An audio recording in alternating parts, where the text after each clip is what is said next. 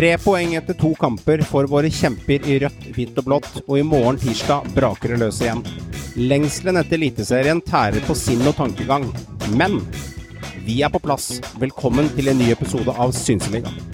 Så er det Håkon Evjen som bøyer ned i vinkelen! Etter over 100 minutter!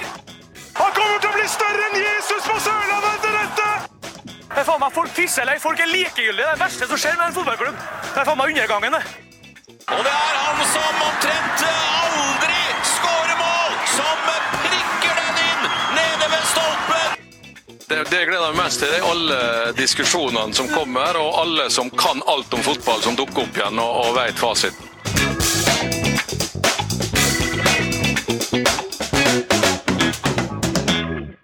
Velkommen skal du være til en ny episode av Synseligaen. Det har jo gått noen landskamper imellom her, kjære lytter, siden du hørte fra oss sist. Eh, Håvard, Joakim, eh, Meran og Tom Nordli og undertegnede Johan, vi er samlet alle mann. Eh, Håvard, vi kan jo starte hos deg. Eh, Gledet du deg over det du fikk se av Norge mot Gibraltar, eller var du litt skuffet over at du satt huslånet på seks skåringer til Braut? Altså, jeg Jeg tok med meg de tre poengene mot Gibraltar, men det var vel nesten det eneste jeg og Norges folk eh, fikk med oss av den kampen. Ja, vi skapte mye sjanser i første omgang mot et amatørlag. For det er på mange måter det Gibraltar er. Det er eh, glade amatører som jobber ved siden av fotballen. Eh, vi skapte mye da. Vi burde ha leda en 5-6-0. Og merkelig å se en spiller som Braut altså da brenne så feite sjanser, f.eks. Der var vi relativt OK, med tanke på at det er et litt sånn nytt sammensatt lag. Andreomgangen er begredelig. Den blir jo litt uh, bytta i hjel også da, av, av Ståle. Vi prøver ut mye nye, så det var veldig, veldig rotete. Men uh, det begredelige er jo den Tyrkia-kampen, og det kan vi kanskje komme litt tilbake til litt seinere. Mm. Meran, dine tanker rundt uh, disse kampene som har vært her. Eh, Tyrkia-kampen også. Den, uh, ja, vi kan jo ta litt eh, kort rundt den før vi går litt i dybden når vi kommer til Tom. Eh, men eh, hva tenker du når du tenker på det vi så mot Tyrkia? Ja, Bob, Bob. Altså Mot Tyrkia så syns jeg ikke det var noe bra. Det var jo urovekkende, egentlig. Men det er jo nytt lag, da. Det er mye som skal sette seg. Det er, vi må gi dette litt tid, og ikke slakte helt. Men Tyrkia var jo hestehodet foran oss, det er det ikke noe tvil om. Joakim, uh, uken din, hvordan har den vært? Mm, nei, altså jeg bare henger med liksom det der altså Det er jo ikke noe, egentlig ikke noe nytt lag. Jeg syns egentlig det er litt feil. Fordi mesteparten av de spillerne som er der, er jo spillere som har vært med før. Ja.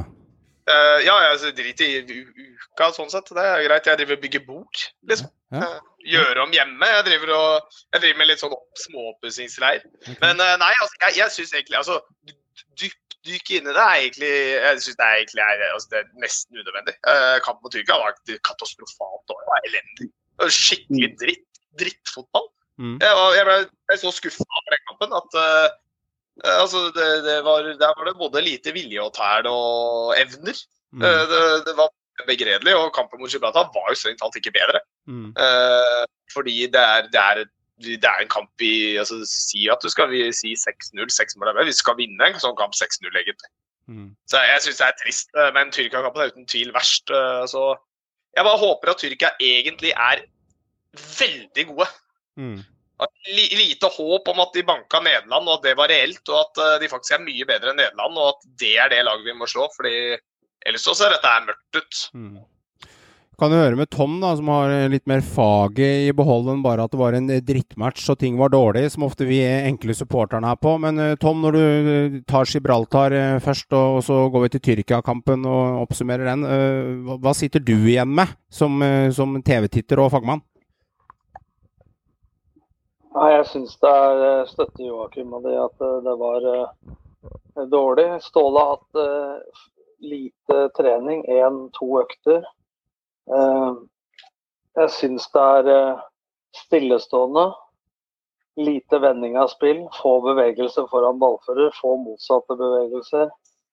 Eh, får ikke satt opp Braut og de, de riktige posisjonene. Og det er altfor mye transport av ball og spille innom neste spiller istedenfor å hoppe over noen. Så jeg syns uh, første omgang er dårlig, annen omgang er elendig mot Gibraltar. Og mot uh, Tyrkia så visste jeg at Norge ikke skulle spille med en tier, for de hadde han Okai i mellomrommet og spilte 4-1-4-1.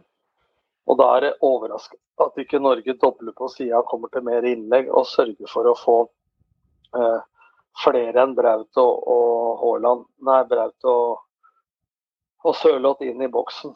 Og da er det noe kamp Torstvedt burde ha spilt, så er det jo da for å få kantspillere, eventuelt innløpere, opp i seint i boksen. Altså, Tyrkia gjør en taktisk kjempegod match. Norge er eh, dårlig. og Er det overraskende at det bytter tre av fire i backrekke fra kamp én til kamp to? Eh, men det viser jo bare at Ståle har ikke møtt spillere annet enn på FaceTime, måtte jeg på si, og da har han jo ikke Han er på leit etter hva han skal satse på i framtida, rett og slett. Det som er synd, er at han må bruke en VM-kvalik for å teste ut hvem han skal, skal ha med. Det, det, er min sånn oppsummering. Og så hadde jeg forventa selv med det altså jeg har, Det er et langt svar, men poenget mitt er at de spillere i Norge spiller de klubblagene sine på en helt annen måte. ikke sant?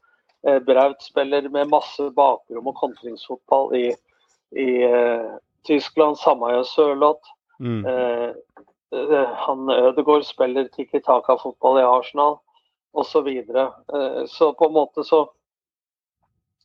blir det for mye hensyn til de spillerne. Jeg syns det må bygges rundt Ødegaard, Sander Berge, Haaland.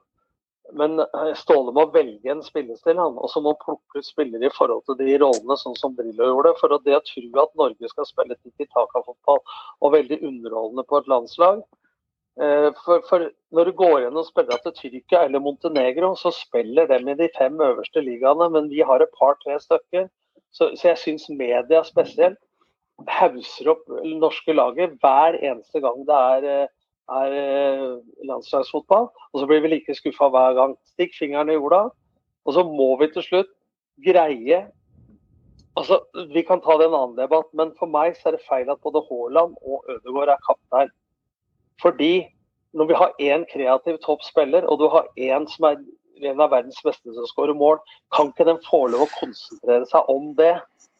Se på Liverpool, har en Henderson, liksom. Altså, for meg så hadde en Sander Berge eller en Jarstein noe sånt vært eh, kapteinstyper. Eh, så de kan konsentrere seg. Altså, de er 20 og 22 år gamle. Og så skal vi forvente at de har masse lederegenskaper, om de har vært med en stund på det. Så jeg ville på en måte tatt vekk den kollektive tanken fra de to stjernene vi har, og latt dem få lov å være enda mer ekstreme på det de er gode på. Og helt til slutt, Haaland kommer til å bli god også mot etablert forsvar og spille mot bussen som det var nå. Hvis han spiller på et lag som Barcelona, eh, Real Madrid osv., som har mange Martin Ødegaard på laget, som kan spille ham mm. fram, for han er god på timing. Mm. Men vi har ikke det i Norge. Altså, det er ikke for å disse norske laget, mm. men vi kan gjøre det bra. Men Norge må være et lag, et kollektiv. Og så må vi ha spillere som Braut og, og, og Sander Berge og Ødegaard, som er liksom krydderet.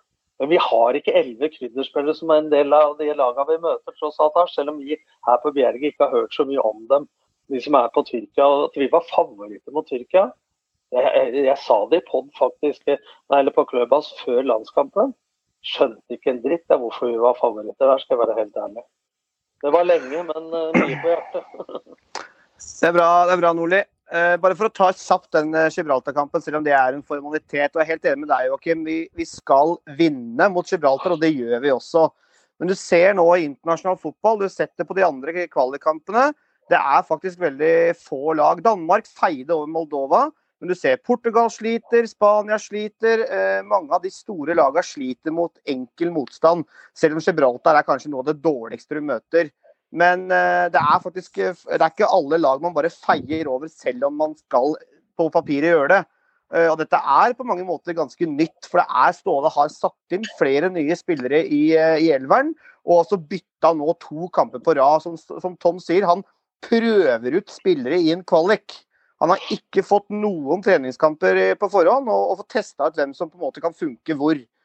Men jeg syns vi har fått et veldig veldig, veldig klart svar ut fra disse kampene. Det visste vi også. Vi sliter ekstremt på stoppeplass. Eh, det er eh, rett og slett eh, syltynt, det som leveres defensivt. Og på mange måter offensivt også, men vi skaper i det minste sjanser. Det gjorde vi mot Tyrkia også. Jeg, jeg, kan, jeg skulle ønske at Jeg syns Gregersen gjorde en mye bedre figur. En mindre eh, dårlig figur, i hvert fall, enn Ayer. Ayer syns jeg har sett eh, dårlig ut lenge. Svak lenge. Mye dårlige landskamper. Jeg håper at en spiller som Ruben Gabrielsen får sjansen, faktisk. For det syns jeg han fortjener, eh, bl.a. den innsatsen han gjorde for Ligalandslaget.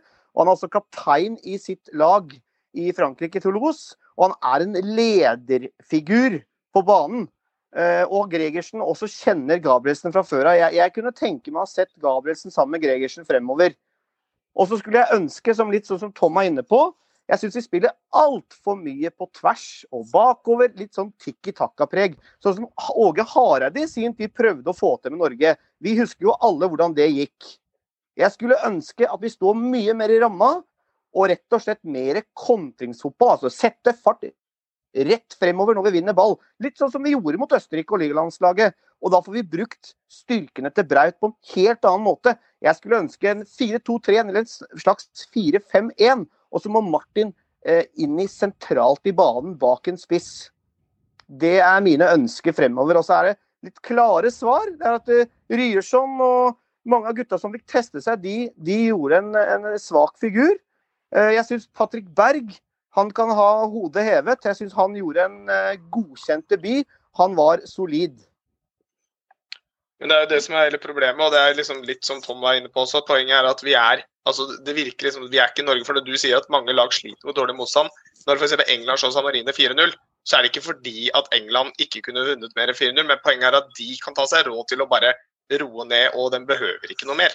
Fordi det er bare Du kan bare ralse over dem. I Ja, prinsippet men det blir så kunne i prinsipp- argument, da. Ja, men, nei, men I prinsippet kunne Norge det òg, men poenget er jo det at de gjør ikke som du sier. Altså, De, altså, de gjør det for komplisert. De Ja, gjør det ikke enkelt. Spiller. De, de spiller ikke på styrkene sine. og det sa jo, Jeg husker jo når denne ble, dette her ble trukket. Mm. Og den gruppa her, den er jo dritt. Altså, det er en van alle, jubla jo for gruppa til Norge. Dette er noe av det bedre, satt Jesper og Mathisen og sa på TV. liksom. Dette det er er liksom Det er en drithard gruppe. altså Du skal borte mot Latvia, du skal bort mot Ja. eh, Montenegro. Tyrkia. Altså, Det er en kjempehard gruppe. så Jeg skjønner ikke hva den snakka om når de dro fram dette som nå har vi alle tiders mulighet. Synes jeg er Nei, det er knalltøft. Og Tyrkia er mye bedre, som Tom var inne på. Ja, ja, ja. Mye bedre enn folk tror. Ekstremt Mye bra lag. Og jeg er faktisk overraska hvor gode de er. Men de har toppspillere i nesten alle ledd, altså. Det jeg har sett av Tyrkia i bl.a. noe mesterskap tidligere og sånn. Jeg har fulgt med på eh, EM og VM, jeg husker ikke hvilket eh, år det her var. Men eh, jeg har alltid oppfatta de som litt sånn rotete bakover og ganske sterke offensivt og litt dårlig organisert og den type del. Men de, de så ut som de hadde stålkontroll både bakover og offensivt. Johan, Ja. Johan, Johan. De er dritgode defensivt. De har, tapt, de har ikke tapt på 15 eller 18 kamper når de har tatt ledelsen.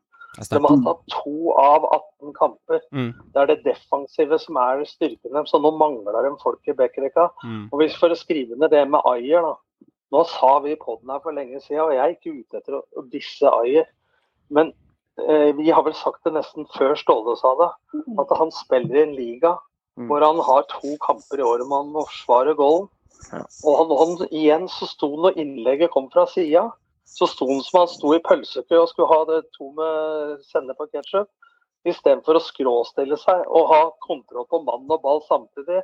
Altså goalside mellom motstander og mål og ballside. Så står han altså i pølsekø med en rett bak seg, og så markerer han ikke i det hele tatt. For å si det litt flåsete, han sto med god avstand, for å si det mildt. Ja, ja, men Hvis dere skjønner meg, så hvis innlegg kommer fra sida, så står Ja. han med begge skuldrene og eh, ansiktet mot han som legger inn, istedenfor å skråstille seg og ha Mm. kontroll på begge deler. Og Hvis du ikke skal ha kontroll på noe, så må du drite i ballen og heller ta mannen inn i egen 16. Så dette er jo en utfordring, helt klart. Men det du sier at eh, Ødegaard i en tierrolle Jeg tror at når, Norge, når laga møter Norge nå, så er de opptatt av to ting. Det er å ta ut Ødegaard og Braut. Og Hvis Ødegaard spiller i en tierrolle, så setter de sånn som Tyrkia, han Okay der til å ta ut eh, Ødegaard. Og så tar de og sørger for å ligge så lavt at ikke Braut Haaland får noe bakrom. Så jeg vil ikke ha jeg vil ha Martin Ødegaard enten på en innoverkant i 4-2-3-1, eller så vil jeg ha han i en av de sittende rollene hvor han kan ha ballen mer. Det er min mening. For i tierrollen, eh, ja det er rom, så, han, så er han god. Men han får ikke rom eh, så lenge motstandere tar tar med ut de to, så har vi drept Norge, liksom. Men hvis vi ligger dypere, Tom, og når vi vinner ball og vi type kjører mer direkte fremoverretta fotball, så tror jeg at det er muligheter å spille på færre touch. Jeg syns det var altfor mye balltrilling og altfor mye touch også. Og jeg syns det er Ja, ja, utrolig mye, når utrolig når vi- Når vi ligger utrolig. lavt, da. Men vi gjorde jo ikke det. For at jeg Nei. sa det, jeg, jeg, vi var jo direkte inne med en sånn der klubbhavsgreie når kampen gikk. Så spør hun meg. Så sier jeg, enten må du presse høyt, som de gjorde en stund, og få gjenvinning. Eller så må du presse lavt. Det Norge gjorde, var å presse sånn halvhøyt, så det var Ja, det var helt flaut å se på. sida og, og, så videre. Eh, Så, så på en måte så Jeg forventer at Ståle, som er en så klar type eh, Jeg tror han overvurderte laget litt. Jeg tror Mm. han er nødt til å bare Folk sier jeg må være pragmatisk og spille etter mannskapet. Han må bestemme seg hvordan han skal spille. Sørge Mm. for å få en klar rolle til Ødegaard Berge når han blir skadefri, Mm. og, og Braut. Og så må han bygge laget rundt det. Altså, det er jo sjokkerende for meg at ikke Norge slår lenger. Altså Drillo-pasning, gjenvinning. Ja, på og bakrommet. Ja, men poenget er at han setter sammen spillere, og det er nødt til en del andre landslag. Det var vel den tyske treneren en gang. Så, så lenge Bayern hadde flest spillere i landslagstroppen, så spilte han mer sånn som Bayern. Og når det var et annet lag, så spilte han Mm. sånn som dem. Men det har ikke vi anledning til i Norge, for vi er spredd utover masse forskjellige klubber med mange forskjellige spillestiler. Der så må på en måte uh, han være tydelig, men har ikke rekke vært tydelig. Så jeg, jeg er ikke ute etter Ståle her, men jeg er ute etter realisme i hva som er mulig å forvente av Norge. Og nå skal vi møte Montenegro. Halve Norge ler av Montenegro. Gå inn og se på spiller for spiller, så spiller de i Serie A, og de spiller i La Mm. Liga, og de spiller overalt. Det er ikke noe puttelag, det, altså. Men altså, vi er et underlag i forhold. Altså, Tenk at vi var til med, eh, som Joakim hadde godt poeng, når vi skulle møte Ungarn i kvalik med en keeper med, med grå joggebukse, så holdt vi på å le oss i hjel. Han redda Ja. faen seg med alt, og vi hadde Markus Henriksen som spiss og greier. Ja. Det er mangel på kunnskap hos folk. ikke sant? Det er, det er gode fotballspillere i de mindre landene også. Men, men vi skal forvente mer. Det Ja. Skal vi, og det står jeg for. Vi skal forvente mer enn det her vi får servert. Og jeg mener at det må spille en mye enklere form for fotball. Mer direkte. Og bruke de styrkene vi har, da. Altså Sånn som Braut. Helt malplassert. Han ser jo altså, altså som han liksom hadde ikke liksom, altså Han kommer riktignok til noen sjanser, og han syns han egentlig også på mange måter er litt skuffende, Braut, i de to Ja. kampene her. Jeg hadde forventa mer av Braut, og han brenner mer enn jeg har sett han gjøre på lenge. Uh, han skårer riktignok et mål, både han og Sørloth blir av, avvinka for offside, og det var jo korrekt. Jeg syns Sørloth så mer giftig ut. Jeg syns Sørloth er kanskje den av spillerne som på en måte har prestert best på de to kampene her. Det er meget god avslutning han har i stanga der også mot Tyrkia, og, og er liksom farlig. Men, men Braut, det var litt sånn eh, Han så litt sånn dau ut, altså. Rett og slett. Det var ikke noe killer som jeg vant til å se i Dortmund. Jeg er enig, jeg er enig med Jon Arne Riise. altså Kroppsspråket hans og der han i. Dortmund tar den spurten Ja. for å vinne en ball og sånn, det gjør han ikke, det gjør han ikke her. Så vi får eh, brette opp matchen i morgen, og så får vi se. Men det er jo litt sånn intet nytt under solen, og det har aldri vært lett for Norge å ta seg til noe mesterskap på noen form for måte. Det har alltid vært noen hindre på veien her, Håvard, eh, og vi har alltid hatt trua hele veien på at denne gangen går det. Eh, og ja, det er, det er litt eh, repeats itself, altså. Det er eh, samme historien gang etter gang, altså. Snakke om boikott, det trenger vi jo ikke gjøre, for vi kommer jo ikke til VM allikevel, sånn som vi holder på nå. Så det er jo bare å boikotte det, eh, så alt det er verdt.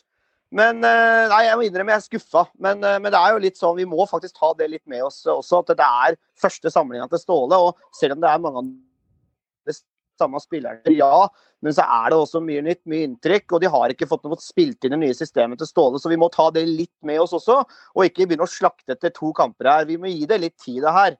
Det er vi nødt til å gjøre. Men, eh, men det, særlig mot Tyrkia så er det veldig veldig skuffende at vi ikke på en måte viser mer guts og innsats og trøkk. Altså Jeg savna det jo, jeg, altså, på alle gutta. Litt sånn at Dette her er og står om livet om å gjøre, liksom. Nå må vi faen meg blø for drakta. Jeg savna det også. Det er jo sånn Tyrkia spiller. De spiller med sjel. Ja, Ja, og vi er nødt til det. De Og det kommer til å og, Ja.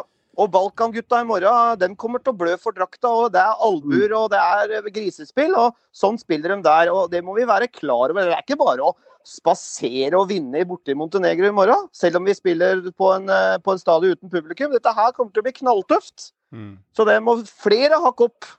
Og spille en enklere for- form for fotball. Kanskje Dino får seg noen minutter i morgen, Joakim. Hvem veit? Eh, så det er kanskje han som skal ødelegge gleden. Ikke utenkelig. Det er ikke utenkelig. Kanskje det. Kanskje det. Eh, Tom, hvis vi oppsummerer til slutt her, da. Eh, hvis Norge eh, gjør kampen mot Montenegro der, og eh, uavgjort seier-tap, vi kan jo spekulere i det. Men eh, hva, hva tror du Ståle eh, tar med seg etter disse tre matchene ut av denne uka her, eh, Tom? Nei, Det er egentlig sånn journalistspørsmål, Johan. Og alle sier at vi må bygge videre på det vi gjorde i forrige kamp. og sånn. Altså, jeg har aldri skjønt denne på 30 år som trener, hvordan du skal ta med deg ting videre. Eh, Det, det må være selvtilliten eller mangel på sådan eh, som du får. Eh, Hvis man skal ta med seg noe, så er det mer hva man ikke skal gjøre, for å si det sånn. Så jeg forventer nå egentlig at han bestemmer seg litt hvem som skal være i ei backrekke. Eh, For det er litt besynderlig å velge to nye midtstoppere. Hvis du skal hvile folk pga. tett kampprogram, så er det ikke stoppere du hviler. Og jeg må jo si det at eh, Marius Lode eh, han kan utfordre bakfra, men hvor mye kommer Norge til å ha et type kampbilde de hadde Mm. mot Tyrkia? Da var Norge 60-40 i ballbesittelse der. Og det er sjelden Norge har Og det var fordi Tyrkia Mm. tok ledelsen, ikke sant. Så, så jeg Mm. tror istedenfor å drive og forandre på posisjoner og opplegg, så tror jeg det lønner seg for Ståle å finne en identitet som Norge skal stå for, og så må det være litt pragmatisk, det er greit. Og så på en måte plukke Alle lo av Jostein Flo, var som en drill og plukka ut folk til en Mm. rolle med rolleferdigheter i forhold til sånn Mm. han ønska å spille. Og det er du nødt til når du har laget så lite samla som en landslagstrener har foran hver kamp. Og tror at Norge skal spille som Spania, sånn, det kan vi bare glemme. Selv om Det kan vi bare glemme. Og så videre. Jeg syns det var veldig tydelig at vi sliter på sentral midt òg. Fredrik Midtsjø ja. svak, altså. Det var, eh, det var skrekkelig å Helt se hvor enig. svak han var. Jeg faktisk tro, trodde at han skulle ta liksom litt vare på sjansen. Jeg syns han har vært vanvittig dårlig. Eh, Patrick Berg, eh, rett fra, rett fra Marbella på treningsleir og gjør en mye bedre figur. Men vi savner Sander Berge og Mathias Nordmann. Vi har ikke mye kvalitet å velge blant, uh, bortsett fra Ødegaard sentralt i banen. Det, vi, vi er avhengig av de få. Av Torsby syns jeg Han håper jeg får sjansen i morgen. Jeg syns han fortjener det. Okay. Midtsjø Men- jo men- i mitt hode vært veldig svak. gutter, gutter, vi kan diskutere Midtsjø, Patrick Berg og alt mulig. Uansett hvem Ståle hadde valgt i de to kampene, så hadde det omtrent sett akkurat likt ut. For det som totalt mangler, det er en felles kollektiv måte å angripe og forsvare seg på. Om du bruker Thorsby istedenfor A eller B eller Midtsjø, så hadde det vært marginalt eh, forskjell på hvordan laget fremsto. Så jeg mener her må du først gjøre de rette tingene, så får du gjøre tingene riktig etterpå. Altså Velg hvordan du skal spille. Og så er det greit å tro at du skal forandre litt i forhold til typen. Så veldig, veldig sånn rotete Usikkert. Men, men, da, men da må du først ha en måte som kj- laget er kjent med sjøl. Til Ståle må bare få tid, og det er jævlig synd at han må bruke en VM-kvalik å Mm. finne ut hvem som Ja. skal spille her. Hvor er ikke enig i det, ok? Jo, eh, det er, han skulle jo selvfølgelig hatt mye bedre tid. Det er feil sted å komme inn og prøve å gjøre noe med et lag. Men den for største, feilen, den største feilen er egentlig selv, selv Vi satt jo her i poden nå. Nå hørte jeg bare på den gangen, men det var jo snakk om fire, seks mål og 8-0 og 9-0 og alt vi skulle vinne. Altså, det- kan du bare glemme at Norge gjør. Eh, Så, så på en måte så, så de blir det så jævlig hausa på forhånd. Tipper litt med Og det er noe av feilen. Er litt med hjertet, da. Litt sånn for gledens Ja, skyld. men, ja, ja, men hvorfor skal Nå snakker jeg ikke om det, Johan. Ikke gå i forsvar. Media og supportere og alt hauser dette opp i skyene. Ikke sant? Jeg går jo ikke i forsvar, jeg sier bare at det var bare moro, liksom. En eh, kos prat og litt lek på slutten av du poden. du, sa, ikke moro, du sa hjerte, sa du. Ja ja, men det er jo litt sånn, da. Det er, Men, men, man men, det blir, men det er jo litt naturlig når vi har, når vi har en Ja, av verdens beste spisser som er i form, sånn, ikke sant? så blir det litt sånn folket blir drevet med. Og endelig er det Ståle som har tatt over Norge. ikke sant? Ståle skal fikse Ja. det her. Nå går vi til VM med Ståle med, med roret. Men jeg er helt enig, Tom. Det er, det er viktig å ikke liksom ta av for mye med en gang. Dette, dette tar litt tid, og det må Ja, vi få hvem inn i altså- huden. For, for, å, for å være litt djevelens advokat, hvem i all verden er det som tror fordi dem Ståle tar over for Lars Lagerbäck og trener laget i en og en halv trening, og de står for egentlig akkurat den samme spillestilen. Hvem i all verden tror de at det er Tore Torell, eller har en tryllestav i hånda og en kanin opp av hatten? Altså, hvem er det som skaper de forventningene? Jo, det er media, og det er supportere. Ikke sant? Det er jo ikke tvil om det. Jeg, jeg, jeg har tippa De holdt på å le seg da når jeg sa at jeg syns Tyrkia er større favoritt til å vinne gruppa enn Nederland. Så at folk får le seg, for de så på hver enkelt spiller de har. Se åssen kollektivene var. De innser hva det var styrken og, og svakheten. Og skulle ikke forundre meg om den vant gruppa. Nei, det, det, det, det tror jeg fort de gjør, jeg. Nei, ikke med den statistikken på 15-16 kamper uten å tape hvis de har tatt ledelsen, som du sa. Det er jo sterkt lag. Så eh, ja, jeg ble tatt på senga sjøl, jeg. Jeg har jo ikke sett så mange landskamper, men eh, jeg trodde ikke de var eh, så bra. Det trodde jeg ikke. Så da fikk jeg en reality der. Et annet lag da, som, eh, som kan prate litt om, vi vipper litt over til Eliteserien. og Vi kan jo ta litt Rosenborg-prat. Vi kan starte hos deg, Håvard. Eh, Henriksen som stopper for Siljan har vært eh, lufta litt der ute.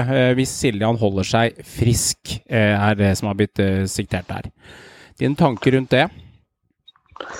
Dette har jo meldt eh, for en stund tilbake, at det var indikasjoner på at Henriksen skulle satses på som stopper, eh, så fremt eh, Siljan da er tilbake. Og akkurat nå er jo, som du sier, Siljan skadet, og Henriksen kommer til å ligge i den dype rollen fram til Siljan er tilbake. Det er noe ganske trolig. Men på sikt så ønsker Hareide, dette har han jo sagt på det intervjuet, at han ønsker en mer spillende stopper som drar med seg ballen fremover i banen, og som kan dra den også mellom ledd, og også kanskje til og med ta med seg ballen helt opp på midtbaneleddet. Altså en mer spillende stoppertype som ikke RBK har hatt på, god, eh, altså på lang tid. da. Uh, og jeg tror helt ærlig at uh, Henriksen kan gjøre en uh, god figur som stopper. Jeg er litt sånn usikker på plassering og duellkraft osv., men er jo stor og sterk, Henriksen, og ganske god med ball. Jeg vil tro at det kan, i hvert fall i Eliteserien, kan det være en god uh, miks. Og så er jeg veldig spent på da hvem skal spille ved siden av Henriksen. For han er jo kaptein, han kommer til å spille. Blir det Holmar, blir det Serbisic, blir det Hovland? Det er eh, stor, stor konkurranse da når Siljan er tilbake på den plassen, og også resten av midtbanen. Så det er, eh, det er trangt om plassen i RBK nå i, på Forsvaret og midtbane, altså. Jeg er enig, enig i resonnementet ditt, Håvard, men, men jeg tenker litt annerledes. Hvilket signal sender dette her også da til midtstopperne? Og De har jo fire andre midtstoppere òg. Hvem skal de bruke, da, Mhm. som Håvard også er inne på? Men uh, med de fire stopperne da burde det egentlig være nødvendig å trekke Henriksen ned personlig. Syns jeg var litt skeptisk i begynnelsen, men jeg syns det er litt spennende òg. Vet du hvorfor det er nødvendig Hvorfor det er nødvendig med han? Nei. Fordi at de er for dårlige. Jo, men du ja, har ja, men, ja, men, ja, men skjønner du meg da, at det, dette Ja. er jo en måte for han å fade folk ut på. Mm. Så hvis Siljan er, er der, så, så ønsker han Han kommer til å ha Henriksen som førstevalg som stopper han. Så Mm. kommer han til Ja. å velge en som passer sammen med han. Og hvis han har fem da, så kvitter han seg med én. Har han fire, så beholder han dem. Ikke sant? Altså, han bygger laget fra den enden, da. Og så så den som var god nok i fjor. Håper han skal bli reserver i år. Og i neste år igjen så er de ikke gode nok i stallen. Det er jo sånn han tenker det. ikke sant? Mm. Men hvorfor har de ikke gjort noe med det da siden sesongslutt? Valsvik tar han for et eksempel. da. Hvorfor har han vært der egentlig helt siden sesongslutt i fjor? Holmar har de jo egentlig, er jo god nok. Serbesic har de fått tilbake. Hovland, hva skjer med han? Hvorfor har de ikke avklart noe av dette her tidligere, før de nå bestemmer seg for å trekke Henriksen ned? Jeg synes også det er, Det- Hele opplegget rundt syns jeg er merkelig. Det er pga. at Siljan er skada mer, og de kan ikke gjøre det byttet nå. Men nå har jo Hareide da meldt dette ut til jeg på hele Norge, at Henriksen han, eh, det, den, den planen står. Han skal brukes som stopper på sikt. Og Jeg er ganske sikker på at Hovland, pga. alder osv., og videre, også prestasjoner, er, eh, ligger dårlig an. Og Valsvik er ferdig. Han er iskald. Og Da tror jeg det står mellom Serbisic, som de skal se hvor, hvordan ligger nivået på han. Han har vært lånt ut mye og er ung og, og, og spennende stopper. Som har gjort det bra på lån i Sarajevo. eh, fått mye god erfaring der. Eh, jeg tror det står mellom Holmar og Serbisic. Og som Tom sier, Henriksen skal spille. Han, han er kaptein. Han skal Men- i stopperrollen på sikt. Men når skulle han gjort, men når skulle han gjort og kompani? Eh, Det har ikke Jeg vært mener matcher. Ja, men Nei, nei, men gjort det, fram- det. var har ikke spilt en jævla kamp, jo. Så, Nei, men vi vet ikke hva de for eksempel, gjort på tre... Ja, men Valsvik, Situasjonen til han er Valsvik. ikke Ja, men han har ikke vært i nærheten av å være aktør. han er iskald. Nei, men Hvorfor har de ikke avklart situasjonen hans mye tidligere? Ja, men det, han det, han- jo, men, jo, for det handler jo ikke om dem er avklart. Det handler om at han tjener 2,5 millioner i året. Og han Ja, ja, de- gir jo ikke fra seg det før en Nei. annen klubb vil betale det. Det er jo ikke Rosenborg som ikke har avklart det. De har gjort er- alt de kan for å holde Det er litt sånn som med, med Helland og, Helland og Aasen. De må ha faktisk få klubber på banen som er villige til å betale det det, det koster. Og som eh, Tom sier, altså Vasik selvfølgelig, han sitter og ruger der. Han har ikke kjempeavstak, selvfølgelig. Han vil jo spille fotball. Han sitter på den kontrakten han har, og samme gjør Hovland. Det er ikke, det er ikke sånn at bare Hovland stikker tilbake til Saftbygda til Sogndal for eh, Nei, men, frimerke, men liksom. hvis, gutta hadde, Han, eh, hvis gutta hadde godtatt en million i lønn, da, så hadde Mm. de spilt i Stabæk, Sogndal, Strømskose for lenge siden. Det er jo hele poenget. Tror du ikke det, Joakim? At det- Da hadde godset vært der på Valsvik med en gang. Men det håper jeg, for Guds skyld. Ja.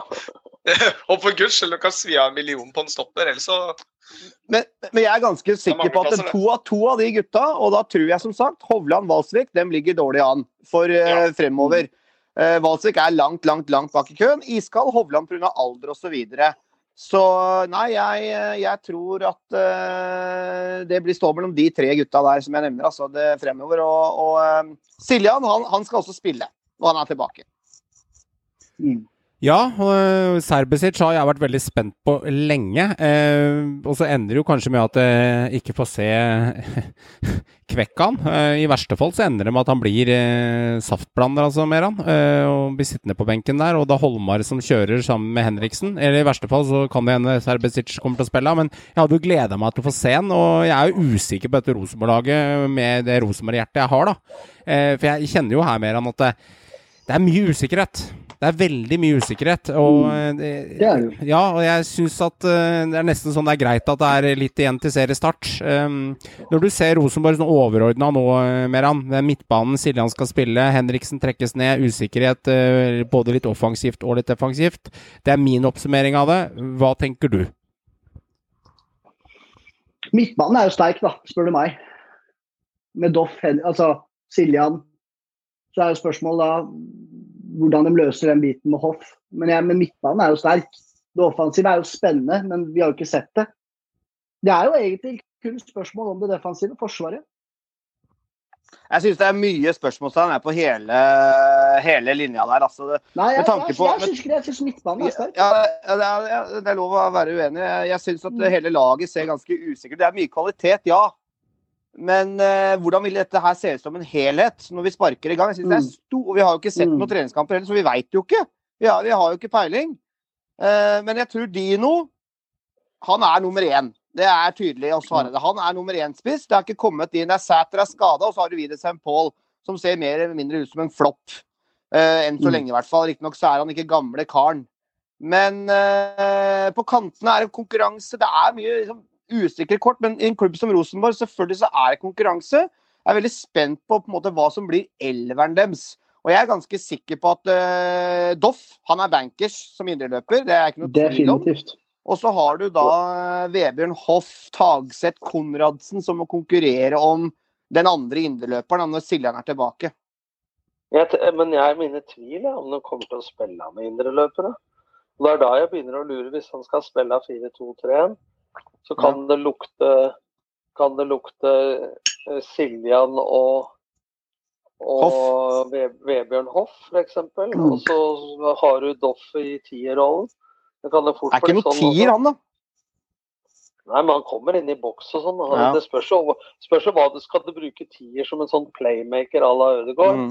Eller Mm. skal du bruke tieren i presspillet mot stopper nummer to og til å komme inn i boks f.eks. Og ikke være med så mye i oppspillet. Det er jo også en mulighet. Da. Hovedproblemet sånn jeg, altså, Fremdeles så er det, altså, det er, Jeg syns den toeren eller slash treeren, dem som kommer på topp, det er det jeg syns på en måte virker altså, Jeg syns ikke de har gjort noe der. Altså, jeg, jeg føler ikke de har noe sterkere offensiv skyts i år enn de hadde i fjor.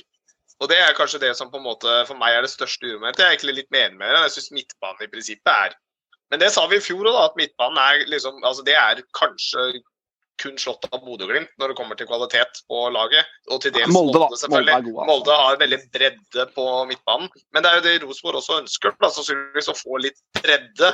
Kunne få, kanskje bruke litt forskjellige typer spillestiler. Og det har man kanskje skjønt, da, at de faktisk de kan ikke spille ren 4-3-3 i hver eneste kamp lenger, for de møter hardere motstand. Så de må faktisk iblant nå Rosenborg må iblant nå forandre taktikken sin for å møte de andre lagene. Så det er kanskje heller det det går på, da, å ha bredden på midten. Men angrepet syns jeg er tynt fremdeles, altså voldsomt. Ja, jeg er, eh, jeg, er litt sånn Skal jeg tippe en tabell i dag? Vi skal ikke gjøre det, gutter. Men eh, det er vel første gangen på noen år jeg eh, hadde tippa kanskje Rosenborg utafor medalje. Og det sier litt. Ja, du tipper dem jo alltid på gull. Ja, jeg gjør nesten alltid det, ja. Det er, men eh, nå er er- nå er jeg utafor medalje, gutter. Eh, Det er, det er tre klubber som Det er det er tre klubber som jeg ser som sterkere enn Ja, Rosenborg Er Det er det. Altså, eh, status quo, status quo er vi utafor Ja, ja. akkurat nå. Men det, det er i mitt hode, og så kan det hende at eh, hjertet begynner å dunke litt før seriestart, og så dunker jeg dem opp på en ensom bronse. Hvem vet? Men jeg syns det er stusslig nå. Hvis de får trent inn en spillestil med de spillene han ønsker, så er det ikke holdbart hvis de ikke tar medaljer. For det er ikke tvil om at fortsatt at det, ja, det mangler en spiss etter, etter min mening. Ellers så begynner jo stallen der å bli, bli bra. Da. Og jeg har også tro på Henriksen som stopper faktisk mye mer tro på Mm. han der enn som uh, han drev og koka og spilte spiss spiss? eh, på landslaget. Ja, ja. Det var helt krise. Men, du, men, du, men eh, Tom, som fagmann og ser spillet litt annerledes nå, supportere som eh, gabler og skriker og skal ha tre poeng og pølse i bua. Du som har sett litt mye fotball. Spørsmål eh, til deg. Eh, kjenner du her på at Hareide beveger seg i riktig retning med Henriksen, hvis du ser det litt fag? Ja, altså i og med at det, det var jo sånn vi ikke skjønte så mye hvorfor de skal ha så mye midtbanespillere. Men Mm. tydeligvis har han hatt en plan med dette hele tida, da. Eh, Han hadde vel ikke vært interessert i Vebjørn Hoff eller Mannsberg hvis det, hvis det var meninga å bruke. Henriksen for det å sette av eh, millionovergangsspillere og lønnsmessig eh, på benken. Eh, da, jeg kjenner Hareide såpass godt at han begynner ikke å eh, bygge stallen i bredden. Han begynner med å forsterke elveren først, og så tenker han bredde etterpå. Mm.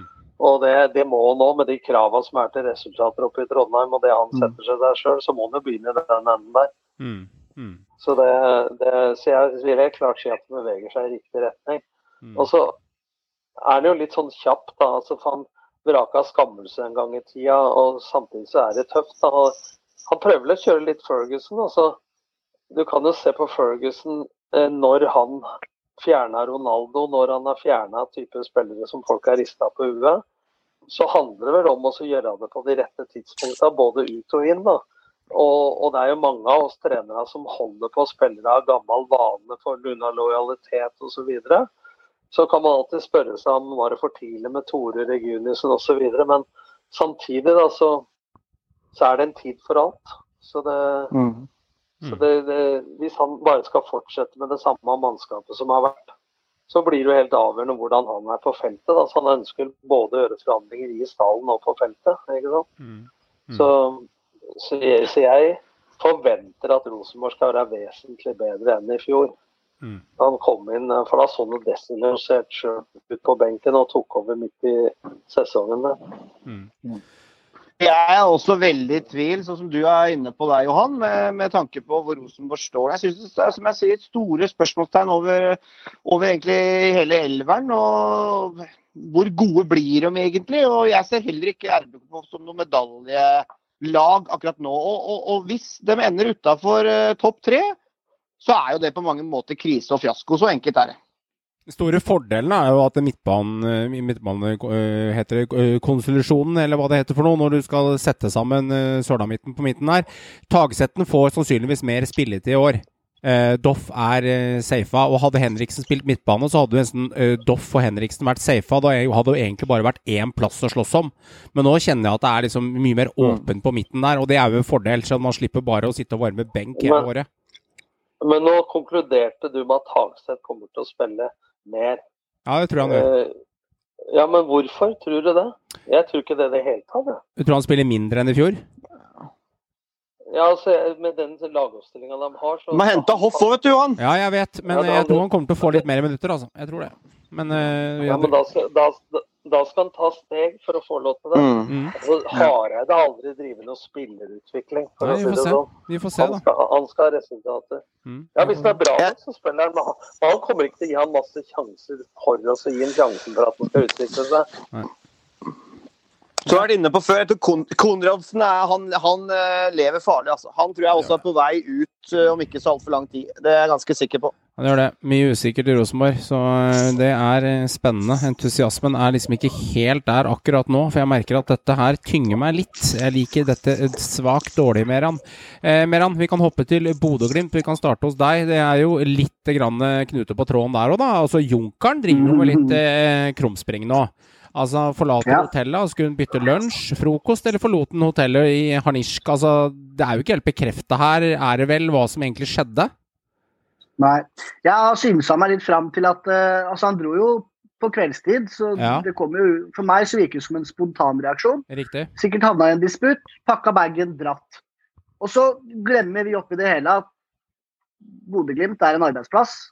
Uh, Junker, han er en Altså, han er på jobb.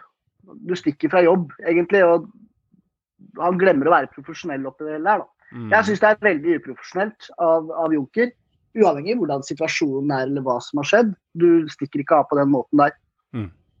Bodø-Glimt eh, kom jo ut i dag og sa at eh, han har forlatt treningsleiren. Ok. Ok. Og det, er komplett, og det står at det er komplett uakseptabelt. Okay. Så det er helt Det- det åpenbart at her har, det, her har du rett og slett altså det er Kort fortalt ikke noe annet enn drittungementalitet. Okay. En, et Det er egoisme Mm. på ekstremt høyt nivå. Som Bodø-Glimt har gått og forklart situasjonen nå, hvorfor han ikke får gå. De har ikke mulighet til å hente inn erstatter. De har ikke tid til å hente erstatter. Uh, verken tid eller anledning. Pga. koronarestriksjoner Ja. så har de ikke lov, og de har ikke tid. Ergo, da kan de ikke la han Da sitter de igjen med Botheim og en Ja, skada da må- Boniface. Da må du få vesentlig bedre tilbud av det du kan få, da, for å si det sånn, for å kunne slippe den med god samvittighet. Mm. Vet du hva jeg håper på, Joakim? Jeg håper de tar seg råd til Hvis han oppfører seg sånn, ikke gidder å ha motivert for å spille, så håper de tar seg råd til å bare la den sitte av der. Ja, benken.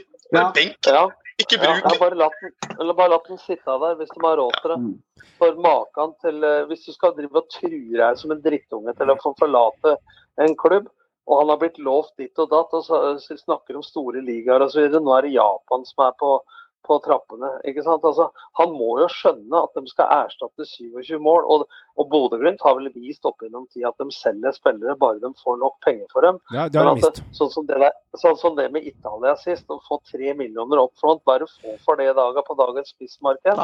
Og nå, hva skal de hente nå? De kan jo kun hente spillere innenfor Norges grenser, sånn som reglene du sier nå. Eller er. norske spillere i utlandet.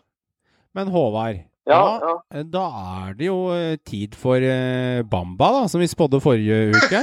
Eh, Det ender jo kanskje med 2,7 millioner i bordet til Brann og en Bamba-signering, og så snakker vi 22 mål og bøtting. Eller hva tenker jeg? Syns jeg er litt hardt?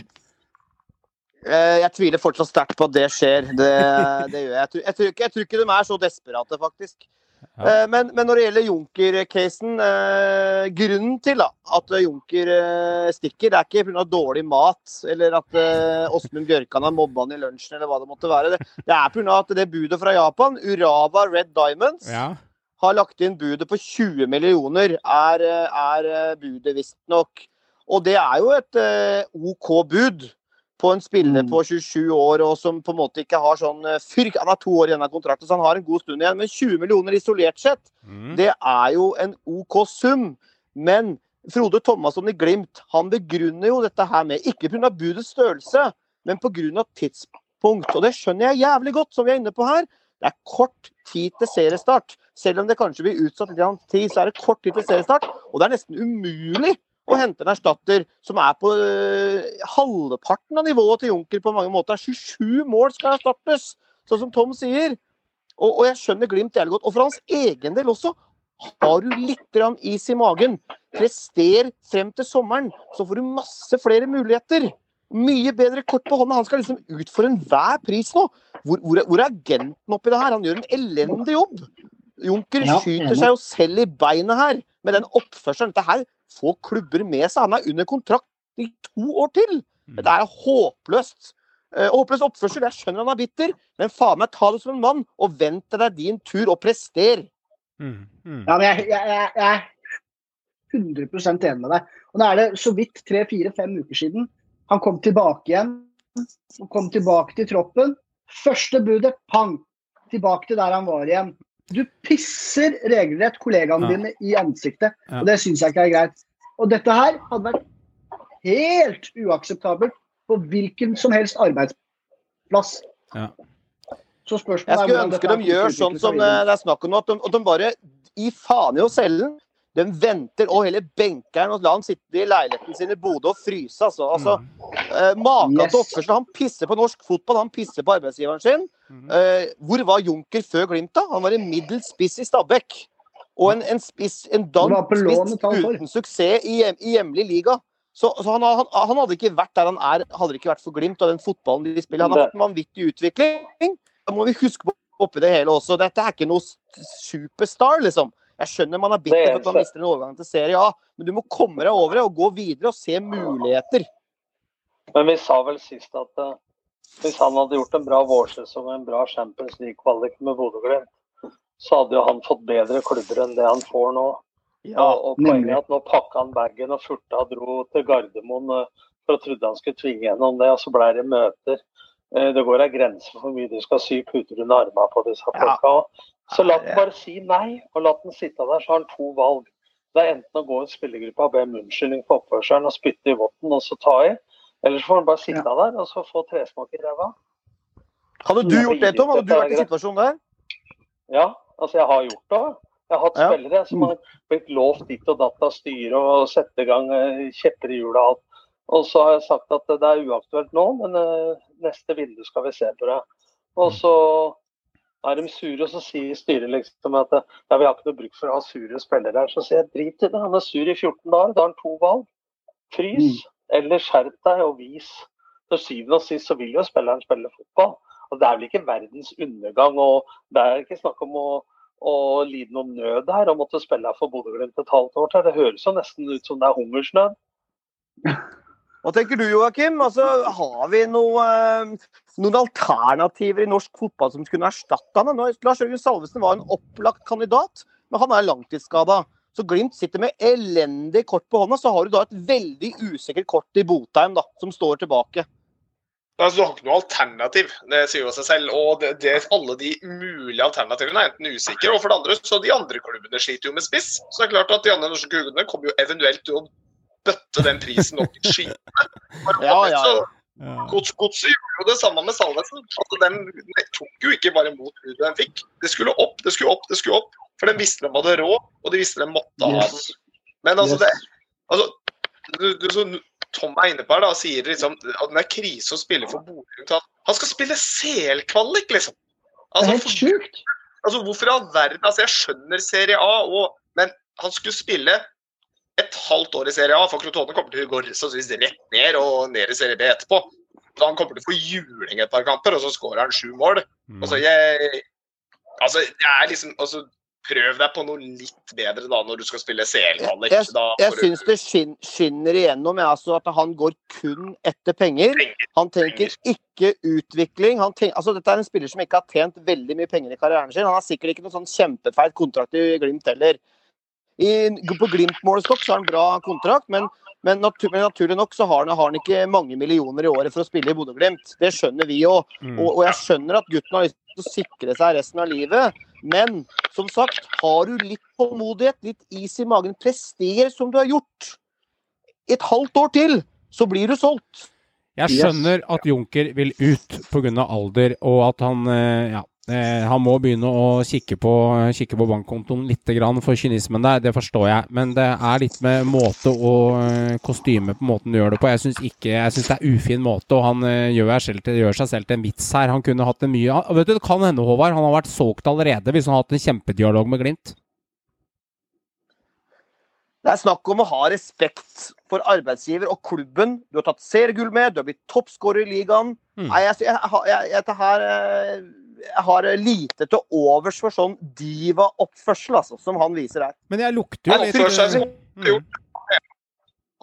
det var han som gjorde at Glimt fikk gull. Det er sånn han oppfører seg nå. Ja, ja. Og det er jo ikke han. Nei, nei. Gjorde at gull.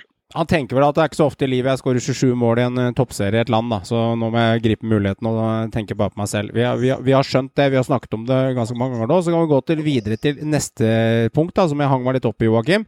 De andre klubbene kommer til å tviholde på, på spissen sin, og ingen kommer til å ønske å selge innad i Norge. Og det er ikke så lett for dem å bare hoste opp igjen heller. Så eh, ja, det lukter jo litt eh, bomba, da. Eh, det er billig. Eh, han har mål i seg, og eh, han Ja, vi kan, vi kan le Du av må gi deg med dette her. Nei, men jeg, jeg, jeg, du Dere har ikke svart helt Dere har, bare- dere har bare avfeid det. Altså, er det bare å avfeie, eller er det helt uaktuelt? Jeg bare lufter det. Få et fag, faglig svar på det, liksom. Altså, Er det usannsynlig at de signerer han, og at han kan bli en spiss sammen med Botheim? Er, det helt, er jeg helt ute, liksom? Ikke hvis de lar Junker, hvis de faktisk fysisk lar Junker gå nå. Ja, de gjør det. La oss si de gjør det, da. er. Mm. Men hva er det som får deg, det til å tro at Brann vil selge den? Ja, det er jo hovedproblemet, da. Brann har jo vært litt ute og hinta litt om at de vil da. det. selge. De vil det. Brann vil selge for mest mulig, men uh, De får ikke all verden pga. eh, kontrakt. Han er vel en av de få de kan få, da. Ja. Det blir jo ja, det er riktig. Ja. Han er en av de få de kan få. Jeg eh, tror faktisk at eh, en spiller som er mer aktuell da, for å ta norske spillere som er aktuelle, eller, eller spillere man kan hente, da, som man kan få inn til landet, så tror jeg kanskje at en som en slags reserveløsning, at Pål Alexander Kirkevold kan være en slags reserveløsning eh, frem til de og han sitter på kort kontrakt i Hobro, i dansk førstediv. Men Målpål han har skåra bra med mål de siste åra, og kan kanskje altså være med i hvert fall for å dytte Botheim litt oppover og konkurranse. Da, så ser jeg på det som en mulighet. Mm. Uh, men jeg, jeg tviler jo egentlig på at Glimt kommer til å få hente noe spiss. Uh, jeg tror de kommer til å tviholde på Junker og få han til å slutte å oppføre seg som en drittunge og prestere på banen, Ja. så blir du solgt. Mm. For at de kommer ikke til å altså det, Vi vet ikke når, det, når, de, når man kan hente spillere fra utlandet som Mhm. ikke er norske. Det, det, det vet vi ikke. Det, det, det, det er vanskelig å si når det er mulig. Brann sin nye signering, Monga Simba, han har, han har ennå ikke kommet til, til Bergen, liksom. Og det er lenge siden de henta han. Jeg tror de selger. Jeg tror de setter kultur og samhold og hele auraen i gruppa foran dette faenskapet. Eh, Så jeg tror de kommer til å pumpe ut eh, spilleren. Jeg tror Glimt tenker i de baner, og så løser de det. Så vi kan synes oss i hjel. Men jeg skal prøve å uttale han neste spilleren, så kan dere arrestere meg i hjel. Men jeg syns nesten hovednavnet hans, eh, gutter, er lettere enn kallenavnet hans. José Vito Rodriguez da Silva dos Santos, klar for Glimt til lån. Spiller alle tre posisjoner offensivt i angrep, og kommer fra Piev i ukrainsk liga. Han blir kalt Pernambuco. Har jeg uttalt det korrekt, Håvard, siden jeg sliter litt med uttalen min? Du, du, det var noe, noe av det bedre uttalen jeg har hørt eh, der på lenge på et sånn såpass vanskelig navn. Altså. Det, det, det, var, det, var, det var faktisk ikke ille. Jeg tror det er pugga mye på Krog. Ja, jeg har pugga i fire dager, eh, lest i søvne, hatt på lydbok, gjort alle triksa i boka. du, du, du har hatt på lydboka. Ja, Victor, Victor Pernambuco. Eh, ja, artig signering, da. Den er liksom litt fra Den så vi ikke helt komme. Det er riktignok et lån med opsjon på kjøp. Og spilleren har da spilt i uh, ukrainsk liga i Kiev, og ikke altså Kiev, men Kiev, uh, og da uh, Dynamo Tbilisi i Georgia på lån. Mm. Eh, jeg sjekka opp spilleren litt. Eh, absolutt en spiller med spennende ferdigheter, men litt sånn uvøren, slepen eh, God med ball, som de fleste av brasilianere. Ser kjapp, eh, rask ut. eh, god teknikk, men skårer lite mål. Eh, heller ikke så mange assist, så vidt jeg har sett. Men det er sikkert en sånn type uslepen diamant som, som Glimt kan utvikle da. Det er det de ser et potensial her, naturlig nok. Mm. Men vi vet jo heller ikke når han kan komme til Bodø. Det er jo veldig veldig vanskelig å si om han blir klar til seriestart. Om, men man slipper inn da såkalte fotballspillere inn til, eh, inn til landet her. Mm, mm, mm. Hvorfor kalte de det ikke bare for Santos, da? Nei, for det sto eh, Permambuco i beskrivelsen av ham med kallenavn, så da tenkte jeg skulle kaste meg ut i, i dansen, Tom. Det er, det er riktig, det. Victor Pernambuco. Det er Mm. riktig, det. Sondre Sørli, Nordli, han er en spiller som eh, jeg kjenner er litt underprata. eh, Og fikk mange kamper i beltet i fjor for, eh, for eh, Kristiansund. Samtidig leverte han godt og kan bekle flere posisjoner. Ditt inntrykk av han? Nei, Det blir spennende å se hva de får ut av men nå har han eliteserieerfaring. Altså, jeg tipper at de tenker at han skal spille på en kant. Uh, men, han er, han er noe direkte erstatter og tror du får en ny Sinkernagel, det gjør du ikke. Men du, du får jo på en måte en fyr som er vant til å spille gjennombruddssisser, brukbar fart, uh, som kjenner på en måte en kantrolle. da. Så, så det er nok en sånn der, signering som kan vise seg være, være smart. Og så sier alle at han kan ikke erstatte han og han, men altså, hva var Junker og Sinkernagel før de kom til Bodø? Mm. Så vi får vente og se. Jeg syns det er en veldig spennende signering av Glimt. Jeg syns Sondre Sørli har mye kvaliteter. og Stor fart, faktisk et godt skudd. øh, Relativt god teknisk. Passer inn i den hurtige stilen til Glimt som fremoverretta 4-3-3. Eh, Jeg tror det er mye av grunnen til at Sondre Sørli blir henta, er at han Ak Aksel Lindahl han har visst eh, ikke på en måte tatt helt steppet og steget som de kanskje har forventa. Altså, han kom fra Superettan, de trenger mer dekning. Og Sondre Sørli er på en måte mer en Sinkernagel-erstatter enn hva kanskje Lindahl er, sånn som det ligner, eh, ser ut nå. da. Men de får i hvert fall mer dekning på den høyrekanten der. Eh, Så det er jo en etablert eliteseriespiller som har gjort det bra for KBK og er i fin alder. Og også en spiller du kan utvikle eh, fint inn i den Glimt-fotballen, tror jeg. Så jeg syns det ser ut som en ganske smart signering av Glimt. Pluss at han er i tillegg kan, kan jeg bare få komme inn med noe? For jeg leser på Twitter nå, det er litt interessant der å diskutere en Junker og Glimt, bare for å, siden vi er inne på Glimt fortsatt. Eh, på tide å inkludere betingelser for en overgang i kontraktsperioden som en del av kontraktsforhandlinger ville løst mye. Eneste, er Norge eneste land som ikke åpner for dette, skriver Egil Østenstad. Og så svarer på en måte eh, vi kommer alltid opp i disse sakene. Hva er argumentet imot arbeidsmiljøloven? Så svarer Bohin vet ikke om det er det eneste, men det er en klar konkurransehemmende faktor for norsk fotball. Skal vi klare å hente utlendinger som hever norsk fotball, må vi endre reglene våre. Det finnes ikke en vei utenom.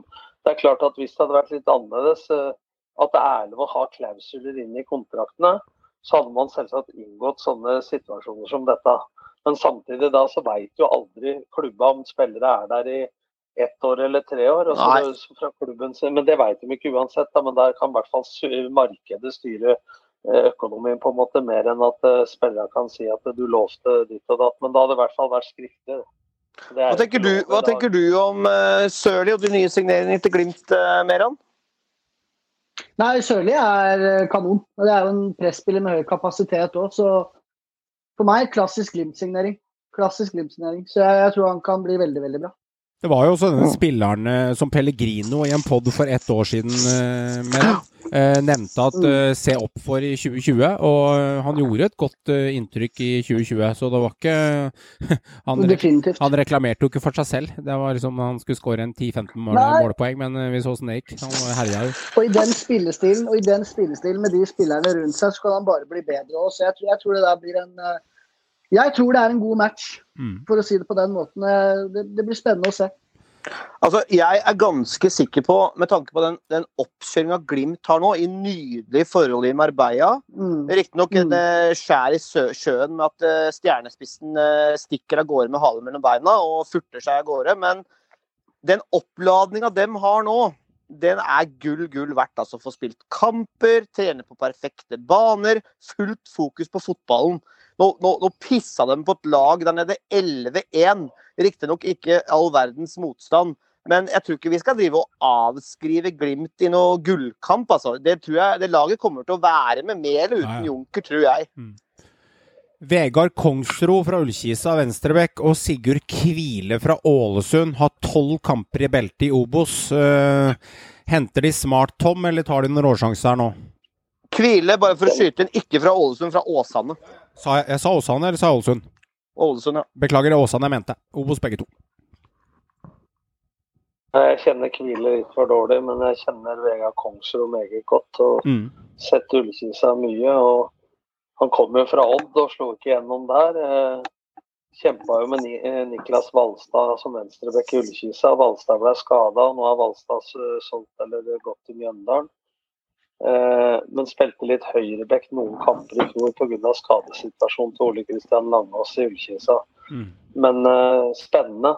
Venstrebeint. uh, gode ferdigheter. Så uh, også en spennende Og de tenker jo sånn nå at de skal bygge opp han i et halvt år. Mm. Og så håper de at han skal ta de stegene når de selger Bjørkan Ja. i sommerrunde, vil jeg, vil jeg tippe. Eller i hvert fall senest da i, etter sesongen. Så Riktig. nok en gang en sånn derre Mm. langsiktig tankegang som Rosenborg gjorde i, før i tida med Runa Bergen og Soltvedt skulle vekk osv. Så, videre. så, Ja. så de fortsetter å tenke fornuftig. og med små ressurser henta en Robert Hauge, assistenten til Brann, til å bare drive scoping i tillegg til Bjørkan. Så Mm. Molde og dem driver på en måte ganske fornuftig sånn speiding. Da, at de tenker hans kontrakt går ut da da, han selger til sommeren. Mm. La oss da ha en som står i køen klar og gi en fem minutter, ti minutter, en halvtime, og så er han klar når de går. Det er jo sånn de tenker, og det er sansen for. For da rokker du ikke ved spillestilen pga. Mm. en uh, spiller. eh, Og så henter de nok en gang et navn som går under radaren, som har de rolleferdighetene de mener en venstreback skal ha i forhold til hvordan de spiller. Så det er på en måte kollektiv tankegang. De henta jo en fra Grorud i fjor også, Tom, som eh, var Lillestrøm-produkt. Som knapt hadde spilt i eh, Obos, var det vel. Så han ble også henta i fjor, ung midtbanespiller, som også fikk innhopp allerede i fjor i gullsesongen. Jeg husker ikke navnet på, men, eh, men midtbanespiller fra Grorud. Er det ikke Hagen, da? Jo, Hage, Elias Hagen, kan det stemme? Er det Ja, stemmer. Ja. Og Nåløyet Nåløy var for trangt til Lillestrøm, men Lillestrøm har hatt et bra samarbeid med Grorud. og De leier utspillere, men så ble det permanent overgang, og så henter de han da fordi de ser et potensial på sikt. Det er ikke sikkert at alle lykkes, Nei? men det er en helt klart rød tråd i hvordan de tenker. da, så det er, det er lett å på en måte se at det er fornuftig. da. Og samme tanken vet du, er det med Sigurd Kvile. Sigurd Kvile har jo bare en halv sesong bak seg i Obos, og knapt det for Åsane. Han spakker fast i Åsane, men dette er Sarpsborg-produkt. Som har tatt veien via Obos og da Åsane. Og ifølge Joakim Jonsson i hvert fall, var en ekstremt talentfull stopper, men har slitt med treningsmengden i Sarp. Og på en måte kroppen har respondert dårlig på hard trening. Og da eh, fått en liten oppsving da i Obos og Åsane, men visstnok en veldig spennende stoppertype.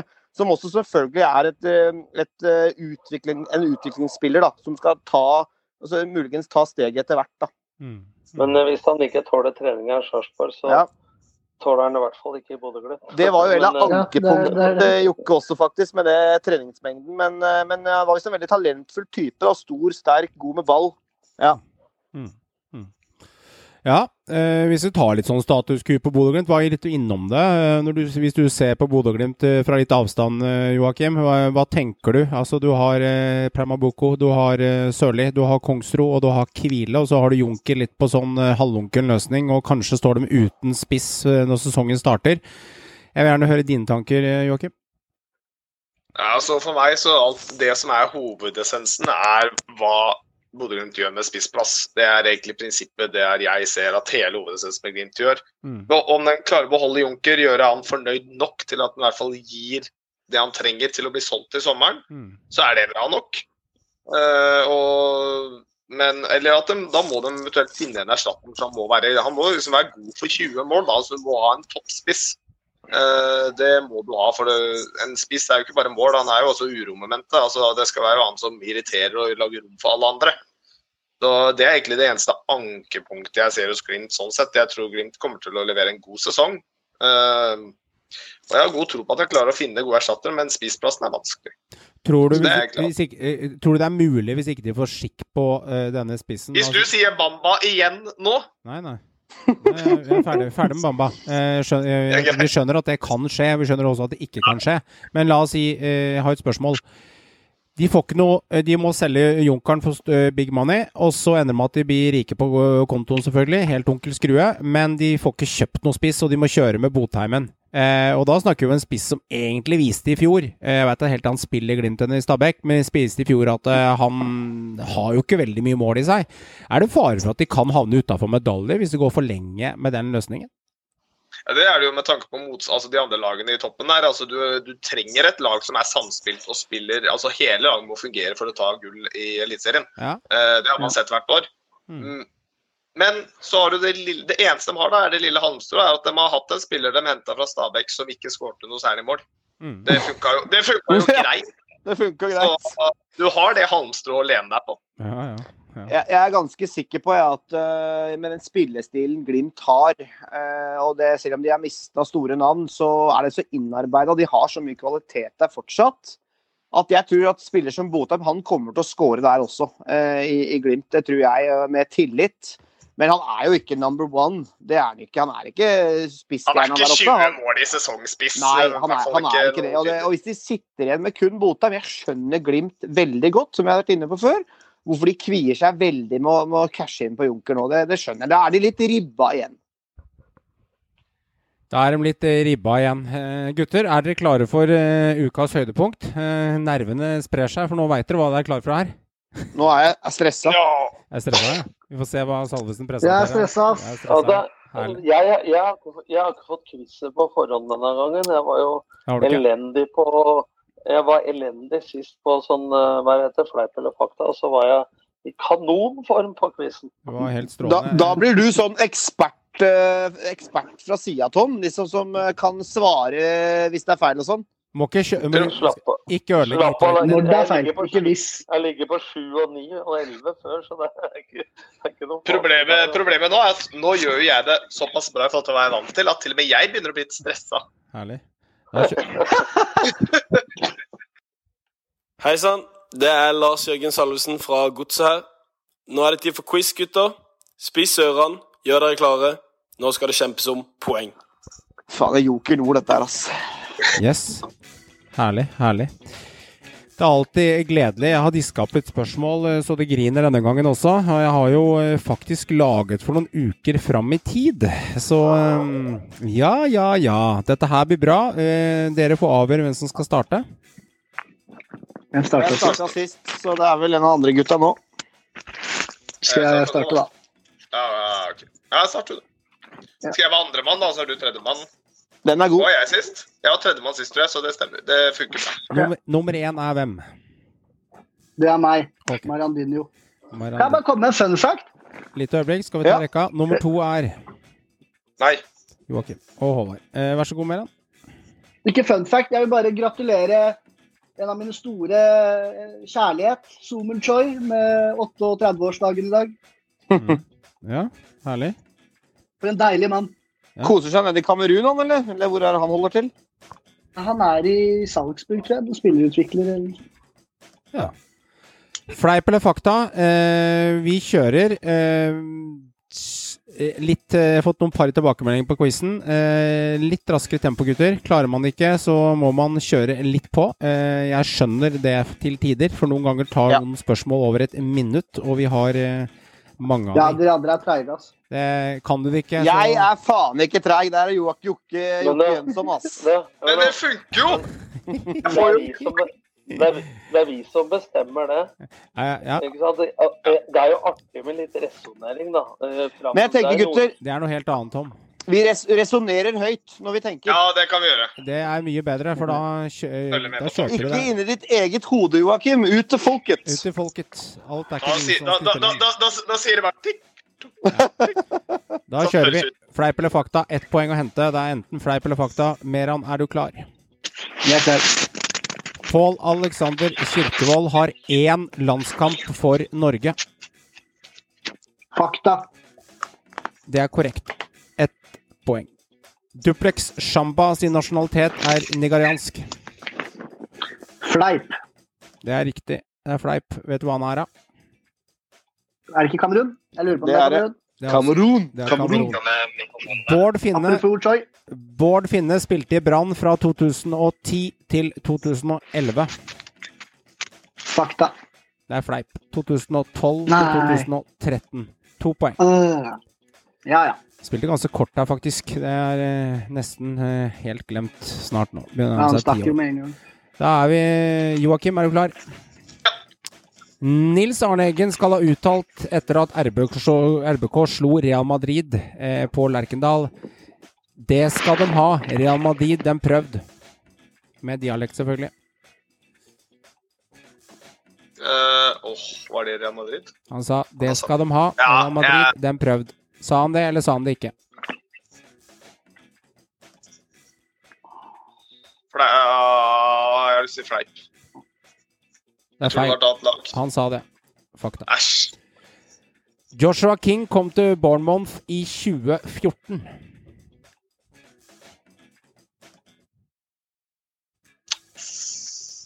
Fleip. Det er riktig. Han kom dit 28. mai 2015. Mm. Ett poeng. Flest assist, altså målgivende pasninger, i 2014-sesongen er faktisk Bjørn Helge Riise med ti assist. Hæ? I 20, Eh, 2014. Nei, nei. Ifølge Alt om fotball så er det det. Det var år, årene før det Øyvind Storslår og gjengen herja, men hadde faktisk det. Det er eh, to poeng, det, Joakim. Var det ikke ett? Nei, beklager. Eh, Ett poeng. er- Nei, ett. Ett, ja. Korrekt. Jeg så feil. Helt riktig, Håvard. Ja. Ett poeng. Yes. Den fikk du på Joshua King. Eh, Håvard, er du klar? Ja. Alexander Tetti har spilt eh, for tre utenlandske klubber. Disse klubbene er Norwich, Rennes og Strasbourg. Fleip. Det er korrekt. Ett poeng. Strasbourg er en påfunn. Stabæk blir kalt De blå, men opprinnelig var navnet Den blå armé frem til, eh, eh, frem til midt, midten av 80-tallet. Fleip. Det er korrekt. Ett poeng. Blå armé. I 2013, gullsesongen til Godset, fikk Stefan Johansen Knik Kniksen prisvinner for årets midtbanespiller i Norge. Fakta. Det er korrekt. Tre poeng. Ah. Da dro du en rekke treer. Bra. Da ble det tre, to og én. Tom, hvor mange hadde du sånn noenlunde oppi hodet ditt her? Tok, var du med her nå? Nei. Nei. Ærlig svar. Ærlig svar fra Nordli der. er bra. Lov, det. Eh, eh, Meran, er du klar? Hva satser du? Hva har du, holdt jeg på å si? Hva har jeg i Las Vegas-potten min? Enkelt og greit. Det er 1, 2, 3, 4 eller 5 poeng. Du satser poengene, kjære lytter, før du får hintet. Og på eh, spørsmålet allerede satt, for deg hvis du lurer på det. Og hintet er én klubb. Kjører en treer, da. Kjører en tre. Hvilken klubb spiller Sondre Tronstad for? Ja, Vitesse. Det er korrekt. Tre poeng. Eh, kamper. To. To poeng. Satser vi to poeng. Erik Delané, allidrettsgutten, har landskamper for Norge. Men hvor mange har han?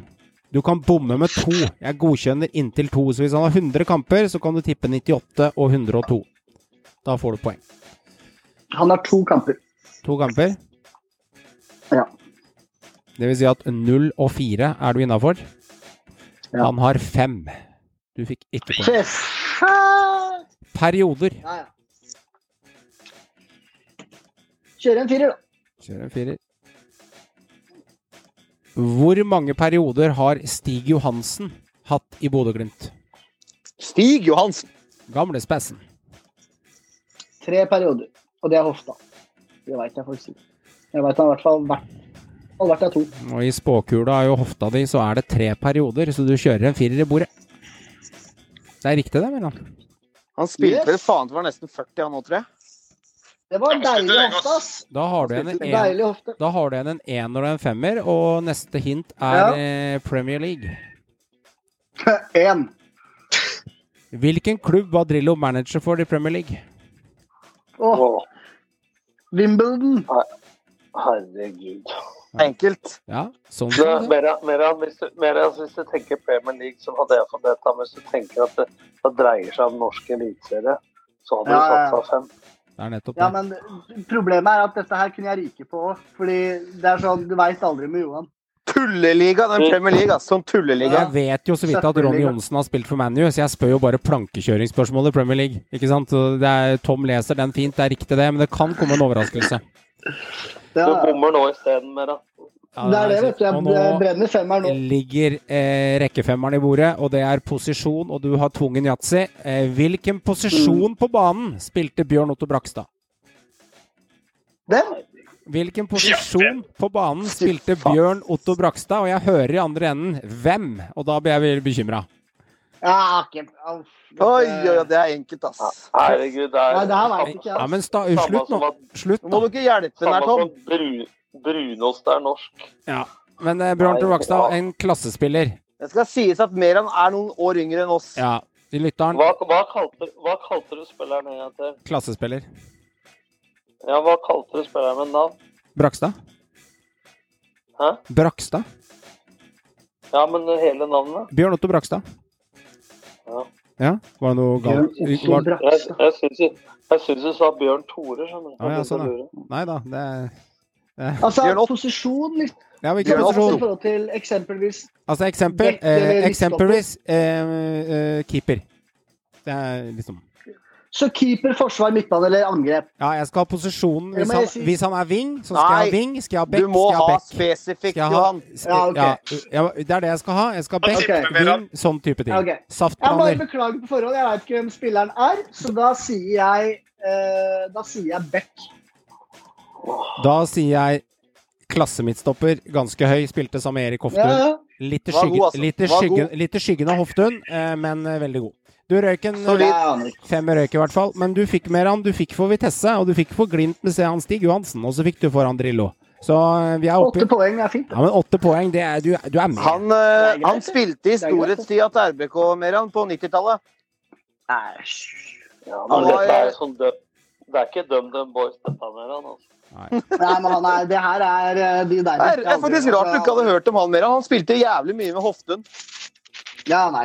Nei. For meg er Han var god. Ja, Han var ikke nei. så god som Torgeir Bjarmann var, men han var bra. Men han ble proff, da. Men uh, Bjarmann var kanskje i feil klubb, hvem veit. Husker du, hvor- husker, husker du hvor han spilte, Tom? I utlandet? Bjørn Otto? Derby. Heter du Tom? ja, det stemmer det. Stemmer det. Jeg, rakk ikke å svare. Sånn er det. Da blir det sånn. Stemmer. The Rams. The Rams. Jeg får aldri være med på quiz, så nå fikk jeg endelig et halvt Ja, det er bra, Johan. Det er bra, Johan. Jeg må få noe. Fått ett poeng quiz jeg er på et halvt år. OK, Joakim, er du klar? Ja, jeg er bare glad jeg slipper å svare på hvor Bjørn Otto Brakstad spilte på RBK. Jeg. Så det er veldig greit. Så hadde ikke jeg det vært like mye hopp Faen, jeg skjønner jeg begynner å bli gammel når jeg husker er dette her. Altså. Ja, ja, ja. Håvard har et fortrinn der, vet du. Han har oppvokst meg og fotball, fotballkunnskapen vi pugga, så ble det sånn. Men eh, toppen av lista, du har fem poeng å satse. 1, 2, 3, 4, 5, og du kan satse hva du vil. Hva kjører du? Jeg vil først vite hva temaet er. Toppen av lista. Toppen av lista, ja. Det var det. Ja, for jeg, var, jeg er ikke på toppen av lista, er det det du sier? Nei, du kan ende. uh, Det var det jeg trodde òg, Joakim. Ikke at det var et hint. Nei, topp. jeg, tar, jeg starter jo med en treer, da. Jeg pleier alltid å starte med en treer. Okay, okay. Gjør ikke det? Jeg tror det. Jeg tror, tror jeg Hvem spiller i norsk fotball har blitt toppskårer hele fem ganger? Um, hvor lenge går det? Ja, Det går til tilbake tilbake eh, til, til Alle tider. Tom Nordli ble født, liksom. Alle tider. Sigurd Schwelt. Harald Martin Brappak, selvfølgelig. Det var jo en av de to! Det er jo selvfølgelig måler. målere. Joakim, Joakim, Joakim Jeg gjør det for en tendens quizen her når det gjelder sånn derre toppscore og alder og alt sånt der, hvor mange ganger og sånn. Så, så han gidder ikke å leite så mye i bøkene, Johan. Nei. Det er alltid en, ros det er alltid en Rosenborg-spiller. Bare legg deg det på minnet. Ja, men, ja, men altså, det, det, jeg, jeg gjør det for vanskelig, for det er jo det første navnet som popper inn. Så tenker du nei, dette er litt lureri fra Johan, men Harald, Harald Martin. Harald Martin Greit, Harald er Martin. morsom, morsom den, Tom, men eh, han kjære, kjære målkåte Petter Belsvik har også vært med noen ganger i denne poden her, så eh, Ja, ja, ja. du veit aldri. Skal sies at de har jo noen rekorder. Med han har også, han har vel også spilt i Rosenborg, har han ikke det? Ja, men der var han ikke mye god. Ja, ja, ja vel, ja. ja, vel. Men da er det jo en gang sånn, da. Er det en gang sånn at Rosenborg har jo litt eh, historikk i forbindelse med Tom Målskår. Har det. Så vi må jo ta med dem. Ja. Eh, ganske neste- likt fordel mellom alle klubbene. Hvem er jeg, er neste. åh, det var jeg så god på før. Ja, vi tar, tar jeg litt av Tor. Tatoer. Ja. Tidligere toppskårer i norsk fotball, som er dobbeltmester og har mesterligakvalik på Island med klubb XXX-klubb på Island. Jeg nevner ikke klubben. Dobbeltmester på Island og tidligere toppskårer i norsk fotball, Eliteserien. Han har spilt mesterligakvalik med den islandske klubben. Navnet på islandske klubben er da XXX. Hvilken spiller er jeg? Toppskårer. Ja. Det er greit. Jeg tok en toer der. Det er ikke så mange uh, uh, uh, Veiga på Gunnarsson. Nope. Alexander Søderlund. To poeng røyk. Keeper. Var på islending igjen. Uh, keeper. Ja, den kan vi ta en fire på. Firer. Ja, den kan vi ta en fire på. Ok. Hvor mange år fikk Jon Knutsen med seg Stabæk før han la opp? Altfor mange. En firer på keeper. Kjører en firer, altså? Eh, Ja, jeg kan ikke trekke den tilbake igjen nå, bare fordi det ble vanskelig. Ja, ja. Nei, det går ikke. Presser deg litt Jeg på den. trekker det tilbake. Um, Uh, og det var jo dritlenge. Mm. Mm, Ja. Tolv. Tolv år, tipper jeg. 12, 13, 13 kanskje. Nei, nei jeg får jeg, jeg, Jeg skal ha 12 eller 13. Gjelder hvis det er liksom et halvt år eller noe? Du må gi meg et svar. Det er det jeg sier. Nei, Vent, jeg sier Jo, jeg sier tolv. Tolv sesonger. Ok. Ja, det sier jeg. Du kan godt si uh, sesonger. Spørsmålet er år, og du har svart er det 13. 12. 12 er mottatt, og 12 er korrekt. Fire poeng. Bra. Oi. Det er sterkt, ass. Det er sterkt, ass, Joakim. Du, Det var, alt, det var altfor lenge, ja. Det er helt riktig. om du, om du oppsummerer sesonger etterpå for at du ikke fikk med deg spørsmålet, så svarer du fire, og det er korrekt. An antall år er neste, neste hint.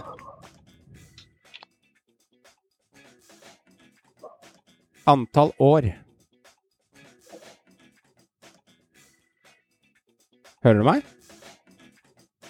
Joakim er litt borte her nå. Ok, han fryser litt, ja. Da får vi vente litt. Ja ja, kanskje Tom skal ta over her, da. Jeg hørte ikke spørsmålet engang. jeg nå. Mange, hva er det du sa? Jeg tror Joakim er litt borte der. Vi ser om han kommer Hva var spørsmålet? eh, an, eh, Antall år. Eh, spørsmålet har ikke blitt stilt ennå. Så jeg tror kanskje Skal vi ta Skal vi hoppe til meg da, eh, så lenge? Ja, vi kan jo se hva vi får til her. Eh, Joakim har gått inn og ut. Han kobler seg vel på der, tenker jeg. Så kommer linja hans. Der er han, vet du. Beklager, kjære lytter. Sånn er det når du har dekning som hyssing der du bor. Stemmer, det var meg, det. Det var deg, det. Alle andre er her, så må det være deg nå, er det ikke det? Jo, akkurat. Helt riktig. Antall år. Eh, da har du igjen én og fem. Og hva går du for i antall år? Antall Ja, da klarte jeg forrige med bravur, så da tar vi én på den, da. Sime Wangberg er trønder, men hvor lenge har han eh, vært i Tromsø? Siden hvilket år? Uh, hvor lenge og siden hvilket år? Eller Siden hvilket år har han vært i Tromsø, da? Det er spørsmålet. Trenger et år. Et årstall. 20 2011. Der røyk den eneren. Ja. Det var 2014.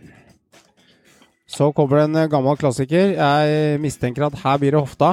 Jeg kjenner deg, men jeg kan hende jeg undervurderer deg. Det blir en tvungen femmer på keeper. Håvard kommer til å Han husker i hvert fall han her. Eh, morsomt. Og han husker jeg også. Martin Holund var keeper. Hvilken norsk klubb fikk han 24 kamper for før han besøkte utlandet? Å, Fy faen. Martin Olum! Er Klassekeeper. Klasse. tenk på, tenk på hintet han ga deg nå. Siden han nevnte Håvard. Hvilken klubb kan den høre til da, tror du? Lier, eller? Lier IL? Nei, nei. Dette er Liungen. Det er én legende i Lier IL, det er meg. Ja, men det er sånt, for du får ikke lov å kaste inn sånne ting. Mm. Det, ja, men du, det, det kan ikke være det, for da har jeg fått et altfor godt eh, tips. Og det, da jukser jeg jo. Du har bestilt et spørsmål, jeg venter et svar. At de andre velger å gi deg eh, villedende hint eller hint, det er ikke mitt Ja. problem. Du har fått et spørsmål, du skal besvare det. At Tom eh, snakker eller ikke snakker, det kan ikke jeg stå til ansvar for. Spørsmålet skal besvares. Hvilken klubb spilte han 24 kamper for før han dro til utlandet? Lillestrøm. Endelig svar avgitt. Ja. Brann. Har ikke peiling. Da. Ja, men da, det vet du hva? Jeg kunne ikke si det på grunn av det. På grunn av det heite. Tom, Da kan det var, jeg Tom, det var altfor mye hjelpemiddel, Tom. Ja, men altså, Du kan jo ikke si jeg er for mye hjelpemiddel når Jo. ikke sier det. Jo, Når du snakker til meg, det er jo nesten som å si inn svaret. Det er som å gi inn svaret. Du? Vet du hva? Hør nå. Hør på meg. Jeg visste ikke svaret. Men i og med at han sa, nevnte deg, så visste jeg med en gang hvilken klubb du var. Ja, og det, det, det ga du uttrykk for òg. Dere, dere kan kalle det Dere kan kalle det at han prøvde å gi meg dette hit. Jeg sier det er sabotasje. Sabotasje. Ja. Hvor var du når jeg fikk Bjørn Otto-spørsmål? Eller hva det- Jeg, eh, jeg husker hvor han gikk nå. Han gikk til storklubben Hartlepool. Det stemmer det. Stemmer Oi, Det litt av en klubb. OK, Håvard, er det din tur. Du skal Sorry, Joakim. Sorry, Joakim. Hvor mange poeng endte Joakim på? Han endte med Han klarte Jon Knutsen, tolv år. Han endte med faktisk med en firer. Bomma på Brappak, bomma på Søder og bomma på Vangberg. Det var litt vanskelig med Vangberg, da. Og så Martin Holund. Ja, OK. Nå, nå har du hatt så mye lette spørsmål. Nå har du gjemt alle de vanskelige til meg. Nå kommer kremen av kremen. I Zimbabwe er det en øy. Den øya utafor Nå tenkte jeg hva faen. Til felles sår er hintet. Til felles. Ja. To. To, ja. Ja, ja, ja. Får se om det irriterer deg, da. Jeg veit aldri med quizen til Krog. Hva har Even Hovland, Bendik By og Johan Hove til felles? Alle har spilt i Sogndal. To poeng. To klubber. To klubber. Én. Ja, jeg kan gjøre om hintet mitt, faktisk. Du kan få en eh, ekstra en der. Og jeg kan legge på fire klubber. For jeg skrev to klubber først. Det blir fire klubber er korrekt, hvis jeg skal være helt uh, rettferdig her. Ja, men jeg står for eneren, jeg, da. Står for eneren. Uh, Eh, Fred Friday har spilt for fire nederlandske klubber. Kan du nevne tre stykker til meg? Den er seig. Den er litt seig. Den er feil. Jeg bestemte meg først Du kan resonnere høyt for å kjøre to av fire. Men så tenkte jeg hm, jeg fant fire klubber. Da skal han få lov til den, Den, som får det den er spørsmålet, altså. til å få altså. tre. Den er seig, altså. Kjør i vei. altså. skal tre klubber. Men jeg kan, jeg kan i hvert fall to. Jeg syns jeg skal få poeng fordi det er AZ Alkmaar, og så er det Tvente. De står du for. Det er AZ Alkmaar og Tvente, Ja. og så Du får ikke poeng før du klarer en til. Ferdig snakka. Og så sier jeg eh, Du kan tippe to til, da. A-Z Young. J-O-N-G. OK? Og så kan du si en klubb til. Du kan skyte ut en til. Du har fire klubber du kan si. Uh, da sier jeg uh, Kambor. Ok. Alkmaar korrekt. Tvente korrekt. Og den står oppnevnt som. Young Aset, ikke Aset Young. Korrekt poeng. Bra. Men eh, er ikke det bare sånn reservelaget? Nei, de, de er i ligasystemet i Nederland, vet du. Det er sånn der. Er Jo, de er i ligasystemet, men det er jo bare reservelaget til laget. Ja, men Men det er et eget lag i ligasystemet. Godkjent den. Du fikk en Du ja. skaffa deg en, Rovar. Ja da, jeg husker, huska det. Island. Eh, jeg har brukt én og to, eller hva har jeg brukt? Én og to. det? Størst, og to. De største poengene har du brukt. Du har en krem. tar vi eh, fire. Fire. Hvilken islandsk klubb har eh, Mikkel Maigård spilt for? Mikkel Maigård. Det er småsei. Den skulle du fått, vet du. Du er islandskongen, Joakim. eh. Han kom- Han kom jo fra Raufoss til Godset. Jeg sier eh, Valur. IBV Vestmannseia har han spilt for. Da ryker fireren. Ja. Da har du igjen fem og tre, og Land er neste. Fem. Uh, Skal er glad du putta en femmer på den. For her kommer det til å skille i dag. De andre fikk eh, Brakstad og Drillo i Wimbledon og alt som er, men du får Asa Karadas av norsk. Men det er også fra ett land til på passet sitt. Det er uh, Tyrkia. Det er korrekt. Fem poeng. Deilig! Bra. Det er snakk om å vekte poengene riktig, gutter. Da er det igjen en uh, treer her, da, hvis ikke jeg regner Ja. gærent. Full pott, kan jeg ta den? Det er spennende. Ja, du Du røyk på fireren. Du røyk på Maigård, da. Så ja. Ja, faen, det gjorde jeg. Sorry. sorry, sorry. Men uh, fam familie er uh, treer i bordet, og det er jeg prøvde å lure quizmasteret. Hva heter den halvveis, TV, TV, halvveis kjente TV-personligheten som er dattera til Erik Thorsvedt? Charlotte Thorsvedt. Tre poeng. Det er korrekt, Håvard. Kan jeg fortelle en ting om Erik Thorstvedt? Du kan snakke, du, hvis jeg regner poeng. Eh, Håvard fikk åtte, ni, eh, Dette var i eh, 2008, så var vi på Det var faktisk Stabæk Brann. Mm. Jeg og kompisen av meg, Steffen. Så gikk vi bak da for å se spillerne komme ut, og der var jo Thorstvedt òg. Sammen med jeg tror det var barnebarn barn eller barnebarn. Vet du hva kallenavnet til Erik Thorstvedt er? Blant familien sin? Jeg sier det, for jeg hørte det. Det er Pappi Lappi. Oi, oi, oi. Dette er ikke kødd. Dette er ikke kødd. Pilappi. Det høres helt sykt ut. Ja. Ja, på at det Det, sånn det veit. Det, det vet du, men ikke hvem Bjørn Otto Brakstad er. Men Johan, har du regna riktig på meg? For jeg bomma bare på én. Ja, du bomma på, på en er firer. Og du har mulighet til å få 15, og 15 minus 4 er 11, og så dro du en treer. Du dro Ja. veldig sterk poengsum denne runden her. Oi, oi. Så Og jeg tok, jeg tok, tre, på, jeg tok tre strake på den før. det er helt riktig. Du fikk 14 poeng av, eh, av eh, Ja, det er riktig, over. Av 18 mulig. Så eh, poengsummen Du fikk et hestehode, du nå. Det er 80 poeng på Håvard. Det er Meran med 73, for du fikk eh, 10 poeng samlet, Meran. Og Joakim, du fikk 5, Ja. så du har 62. Så det Ja, ja. Nå begynner, det, å ligne, er det litt normale tilstander igjen, Joakim. Altså, 20 poeng er jo ingenting. Nei. Altså, herregud. Det er ingenting. Eh, Normalt sett så har jeg 20 poeng på dette tidspunktet. Det er sant. Det er sant. Eh, Håvard, vi kan, starte, vi kan starte litt hos eh, deg, Håvard. Vi skal snakke litt om Brann. Eh, jeg har eh, skrevet opp Jesper Løvgrens til Djuvgården. Og så har jeg skrevet et lite spørsmålstegn om kanskje det, litt sånn småsårt som vi har snakka litt om på fritida. Overganger til Brann. Eh, eh, stusslig akkurat nå, syns jeg. Eh, men jeg ser at Horneland og Kåre har litt forskjellige roller på feltet. og Din oppsummering av det du ser med Brannøyne akkurat nå av laget ditt? Altså, de har jo gjort om veldig på profilen nå, og det er jeg veldig for.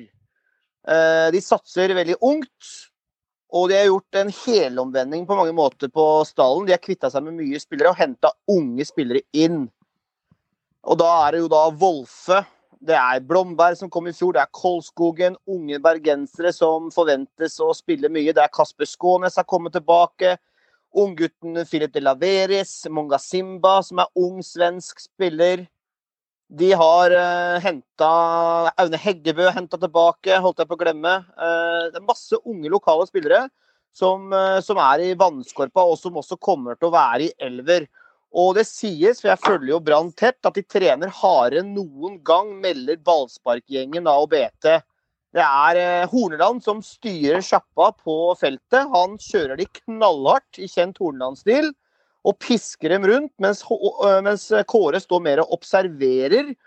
Og er, kommer inn og gir noen uh, små, tydelige beskjeder. Ellers står han på en måte mest på sidelinja, mens Horneland er sjefen på feltet. Og så er det Kåre som snakker til media, og som er ansikt utad. Og jeg tror at den rollen de har valgt nå i, i Brann, det tror jeg Horneland trives veldig godt med. Det tror jeg også Kåre trives best med. Han er ganske tydelig på at Hornland er best på feltet av de to. Ja, men jeg tror på feltet skal du dele inn i to. Jeg er helt sikker på at det er Kåre som kommer til å ha ansvar for den offensive samhandlingen. Jo da. jo da. Men, Horn, men Hornland Tom er veldig veldig aktiv på feltet og mye mer eh, synlig der enn hva Ja, ja, det Kåre er. Men hva er god på feltet, Håvard? For hvis han skal predikere spillestilen Vent nå. Hvis han skal predikere spillestilen til Kåre som han skulle i Rosenborg, på samme måten, så mener jeg at han er kjempebra på feltet. Han er kjempebra. Men hvis han skal spille sånn som The Rosenborg Way, da Eller som han sa vi skal Ja. spille 4-3-3, men Ja, brannmetoden, da, da lurer jeg på fortsatt hvordan brannmetoden er. Ja. Og så lurer jeg på én ting til. Nå satser de på de unge. Og det er vel og bra, du liker det. Men uh, skal de fortsatt ha gull? Som han sa når han kom dit. Han var jo like offensiv som Rikard Nordling når han kom. Ja. At målet må være gull neste år. Men, men, men, altså. men, men Tom, han har moderert seg der, og det, han skjønner det. Og det skjønner folk som følger laget, og folk som kjenner norsk, fotball. Det brannlaget her kommer ikke til å kjempe om medaljer. Her er det snakk om å ta steg og utvikle seg, og, og det skjønner de fleste. Til og med eh, mest ihuga Brann-fansa skjønner at det laget her er ikke godt nok til å kjempe om medalje. Veldig trolig ikke. Men at de kan ta steg og komme seg opp fra en eh, 10. til 13. plass rundt det gjørma der, det har jeg også trua på. Så jeg syns at det på mange måter De har ikke mye penger heller. Og de prøver hardt å selge Bamba nå eh, i sommervinduet. For de skal sitte igjen med noen få kroner for han som de henta da for 9 millioner. Det er jo gale-Mathias-sum når du tenker på hva han har levert. Så, så der er lista nå. Det kommer ikke til å komme noe masse nye soleklare forsterkninger. Det er den troppen de har nå som på mange måter blir det laget her. Kanskje så håper vi på en ny spiss når Bamba forsvinner. At de kan bruke litt eh, cash da, på en ny spiss inn, som passer bedre i 4-3-3.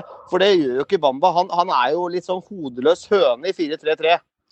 Men det høres jo traurig ut, Håvard. Eh, 10. til 13. plass og karre Ja, men det er, jo der de, det er jo der de ligger nå. Det er to år på rad, ikke sant? Det er der Men det ligger nå. rare, men det rare er at Bamba passa i 4-3-3 i KBK. Spilte ikke samme type rolle, mer fri rolle. Ja, men altså Er det ett sted du ikke trenger å ha så mye samhandling, så er det jo midtspissrollen. Uh, ja, så jeg er litt uenig der. Altså, Men de er ikke gode nok i den 4-3-3-en til å mate han nok med baller, da. Han Han- han brenner jo noe grådig, da. Han har, Ja, han kom, ja det, det skal sies. og Det er derfor jeg sier at han ikke har levert. og Han kom jo til vanvittig med sjanser, men han skårer jo ikke nok mål. Han endte rykke men- på ti goller, men det er jo, han skulle men jo hvem, hatt hvem blir midtspiss Hvem blir midtspiss når Bamba ikke er der, hvis de ikke kjøper inn noe nytt? Da er det kun Heggebø de står igjen med, er som er spiss. Og så er det Hustad som er lånt ut til Sandnes Ulf. Ja, da spør jeg da. Har de i hvert fall ikke noe spiss. De kan fòre med baller i 4-3-3, tenker jeg, da, for å være litt Nei, djevelens men det, det betyr jo da, Tom, at her kommer en ny spiss inn i sommervinduet. Så fort de, Hvis de klarer å selge Bamba, så, øh, så kommer en ny spiss inn i sommervinduet. Hvis ikke så blir Bram- Bamba ut kontrakta og går gratis. Det er på en måte de to Men, scenarioene. men, men da, er, da er de avhengig av at samfunnet åpner igjen. For hvilken spiss skal eh, vi, Markedet i Norge er som sagt ganske uh, smalt. Og hvis du skal hente en spiss som er bedre enn Bamba i Norge, så koster det fort uh, penger, det òg. Og det er ikke sikkert at den går så mye i pluss, for å si det Nei, sånn. nei, men altså, de, de sitter litt med kniven mot strupen. ikke sant? Bamba kan sitte han uh, kontrakta si ut. Og så må, de, eller så må de prøve å selge han nå. Det har de på en måte, sagt nå. De, de kommer til å jobbe for å selge han i vinduet. Og, og, og da tror jeg de på mange måter eh, altså Det gir jo litt gamble, da. Å å klare å hente inn en erstatter der. For, for Heggebø er ikke, er ikke noe eliteseriespiss. Det er Obos-nivå. Og Bamba Håvard, han har jo hatt litt sånn eh, Ja, det har vært litt rufsete greier både med han og eh, treneren og sutring og har ikke fått det til. Og han henger med huet. Han ser jo nesten ut som en sånn spiller som eh, hvis ikke ting funker rundt han og blir tatt vare på, så blir det mye sutregreier. Eh, Dårlig moral, dårlig syke. eh. Takler dårlig motgang. Men, men gutten har jo han har jo ferdigheter, Ja. men han blir jo ikke spilt altså Han kommer til mye sjanser, ja, og mye må han ta på sin egen kappe, men, men de, de, kunne, de kunne ha spilt den enda bedre. Ja. jeg Eh, ser er bare for meg utover våren nå, når ikke de kommer til enighet med kontrakt, og de kommer til å holde Ja. den igjen og skal bru kanskje bruke den ut året fordi at de ikke har lyst til å selge den for vekslepenger, da ser jeg for meg at det blir litt sånn motivasjonssvikt på Bamba, Meran. At det kan bli litt syting og opplegg, og vi ikke spiller for denne klubben, og det blir en sånn type greie. Eh, det er litt hofta fra min side, men jeg tenker nesten det er bedre å kvitte seg med det og få noen kroner for fortest mulig, eller få signa opp kontrakt. Det er enten eller her. Jeg veit ikke. Jeg tror ikke han kommer til å holde på sånn. Det var, vi så mye til det under LAN. Under, under Kåre så syns jeg ikke det har vært noe særlig case med Bamba og oppførselsmessig sånn Nei. sett. Utfordringa okay. mi er, er rett og slett at laget er ikke bra nok. Mm. Mm. Jeg syns det blir for mye fokus på Bamba eh, totalt sett. Det er eh, Forsvaret, det er dekkene. Nå har de fått Delaveres på vingen der, da, men, men allikevel, jeg, jeg syns ikke laget er sterkt nok. Mm. Så Det- det er ikke noe- er eh, mm, ja. Det er ikke noe medaljelag. Det, det, det, det er men, altså, men det som er poenget her, gutter, det er fire lag som skiller seg ut i mitt hue. Det er vi ganske enige om, tror jeg. Mm. Det er Glimt, Molde, eh, Enga og Rosenborg. De fire der. Og bak de fire, der er det ganske jevnt i mitt hue. Og et lag som, eh, som Brann, med maks uttelling og mye bedre trent. eh, kan overraske, tror jeg det er mulig. Eh, er Men, vi, mulig. jeg snakker, vi, men jeg snakker ikke noe medaljekamp her, det tror jeg ikke. Men, men, men en lite poeng, da. Eh, Vi må snart videre. Et lite poeng er at eh, hvis Junker-saken går nå, med den oppmerksomheten de får, uansett hva Bodø-Glimt måtte gå, så tror jeg det setter lenger inne for spillere i Norge å ta en Junker, da, for å lage Ja. et uttrykk her nå og oppføre seg Mm. på samme måte. Ja. Men jeg tror faktisk hvis Bodø-Glimt setter ned foten her nå, så kan det ha litt preventiv virkning på den Ja. type sutreoppførsel. Mm, mm, Ja. mm. Ja, Snakke om et annet lag som har litt spennende på gang. Eh, De har jo slitt noen år på rad nå. Hva var det vi snakket om? Åtte seire på 60 kamper og sånn for eh, Sarpsborg. Har jo vært i, i, eh, strupen på de i et par år nå. Jeg syns det har vært et under at de har overlevd. Men de disker opp det ene spennende spilleren etter den andre. Og vi skal snakke litt om disse tre juvelene her som jeg har eh, skrevet opp her. Og kaster inn. Vi kan starte hos deg, Tom. Laurent Jacques Mendy, eh, 19 år, Sarp. Eh, eh, Abu Bukar Ditt Baubau Conté i Sarp. Og dattera Fofana eh, er jo de spillerne jeg har skrevet opp her. Eh, 18-åringen som vi allerede har sett i aksjon i Europaligaen. Dette er spillere, og to av dem er Sarp sine. Eh, Tom, har du noen tanker om de tre her i 2021? Det er bare å kalle for uh, Abubakar Conté. Det er det han går for. Abu Bakar Conté, ja. Ok. Men Du kan like godt spurt meg om det russiske alfabetet, bortsett fra dattera Fofana. Okay. Jeg har ikke peiling. Men dattera Fofana altså, har du observert, da? Ja, og han eh, kjenner jeg litt til fra Lillestrøm prøvde å få nå. og Det vi har sett hittil, så, så er det en juvel som kan bli solgt for uhorvelig med millioner, og allerede Mm. vist ferdigheter i sin alder som Mm. går langt ut av Altså, han er bedre per nå enn det Krepin Diatta var og han Mm. kom til Sarpsborg. Så Mm. de andre, altså, jeg kjenner jo litt det med, litt det ny, det var litt flåsete, men, men eh, jeg kjenner dem ikke godt nok til at jeg har lyst til å påstå at jeg greier på alt. Jeg så sier heller at eh, jeg veit ikke så mye om det. Og så, bare bortsett fra det Joakim Jonsson sa på, på indre bane, så kan heller Håvard eller noen andre fylle på. For eh, Ja, men det er fair, det. jeg gidder ikke å sitte her og synse noe om noe jeg ikke veit noe om. Det tenker jeg er veldig ryddig. Altså, jeg har hørt litt om begge de spillerne til Sarp. Og det som er litt interessant med Conté, han kom samtidig med Ismaila Kolibali, som fikk jo en rakettkarriere og ble solgt da som eh, Det var vel 18-19 når han ble solgt, faktisk, til Sheffield United. Og nå eh, er allerede Altså spilt eh, kjempebra i belgisk liga allerede og tatt kjempesteg. Og han sitter jo en kjempesum for Sarp. Jeg tror det var oppi i 40 mill., hvis ikke jeg husker feil, faktisk, med Kolibali. Mm. Og Mm. Conté har det tatt litt lengre tid med, men han ser ut som en million nå. Sammen med han da Mendy, som er en mer eh, Han er vel en mer sittende midtbanespiller, altså mer, litt mer sentral eh, defensiv midtbanespiller, mens, mens eh, Conté er mer offensivt anlagt. Og de eh, er eh, to typer som virkelig kan slå til allerede i år. Og nok en gang så viser den der, eh, modellen Sarp gjør da med å hente ungt fra Afrika, unge spennende gutter, utvikle dem og selge dem for store summer etter hvert. Og jeg tror vi kommer til å se eh, ikke minst Fofana, som vi alle vet er vanvittig god allerede. Han kommer fra en sånn jalla-liga fra Elfenbenskysten. Og, og, og bare har tatt nivået i Europaligaen med en gang som 18-åring, liksom. Det er jo vanvittig talent. Men jeg tror disse andre gutta fra Sarp også, dem kommer vi til å se allerede i år. Og der tror jeg Sarp kan gjøre gode penger på begge to. Ja, det tror jeg, Håvard. Og de har jo vist eh, klart og tydelig tidligere, som du sier, at de har eh, solgt for gode summer. Jeg skal gjerne se litt poeng på tabellen av det òg. Det var litt moro når Sarp eh, herja for en to-tre år tilbake der og fikk seg en Europaligaplass. Og etter det har det vært ganske traulig med poeng, eh, Sagmoen.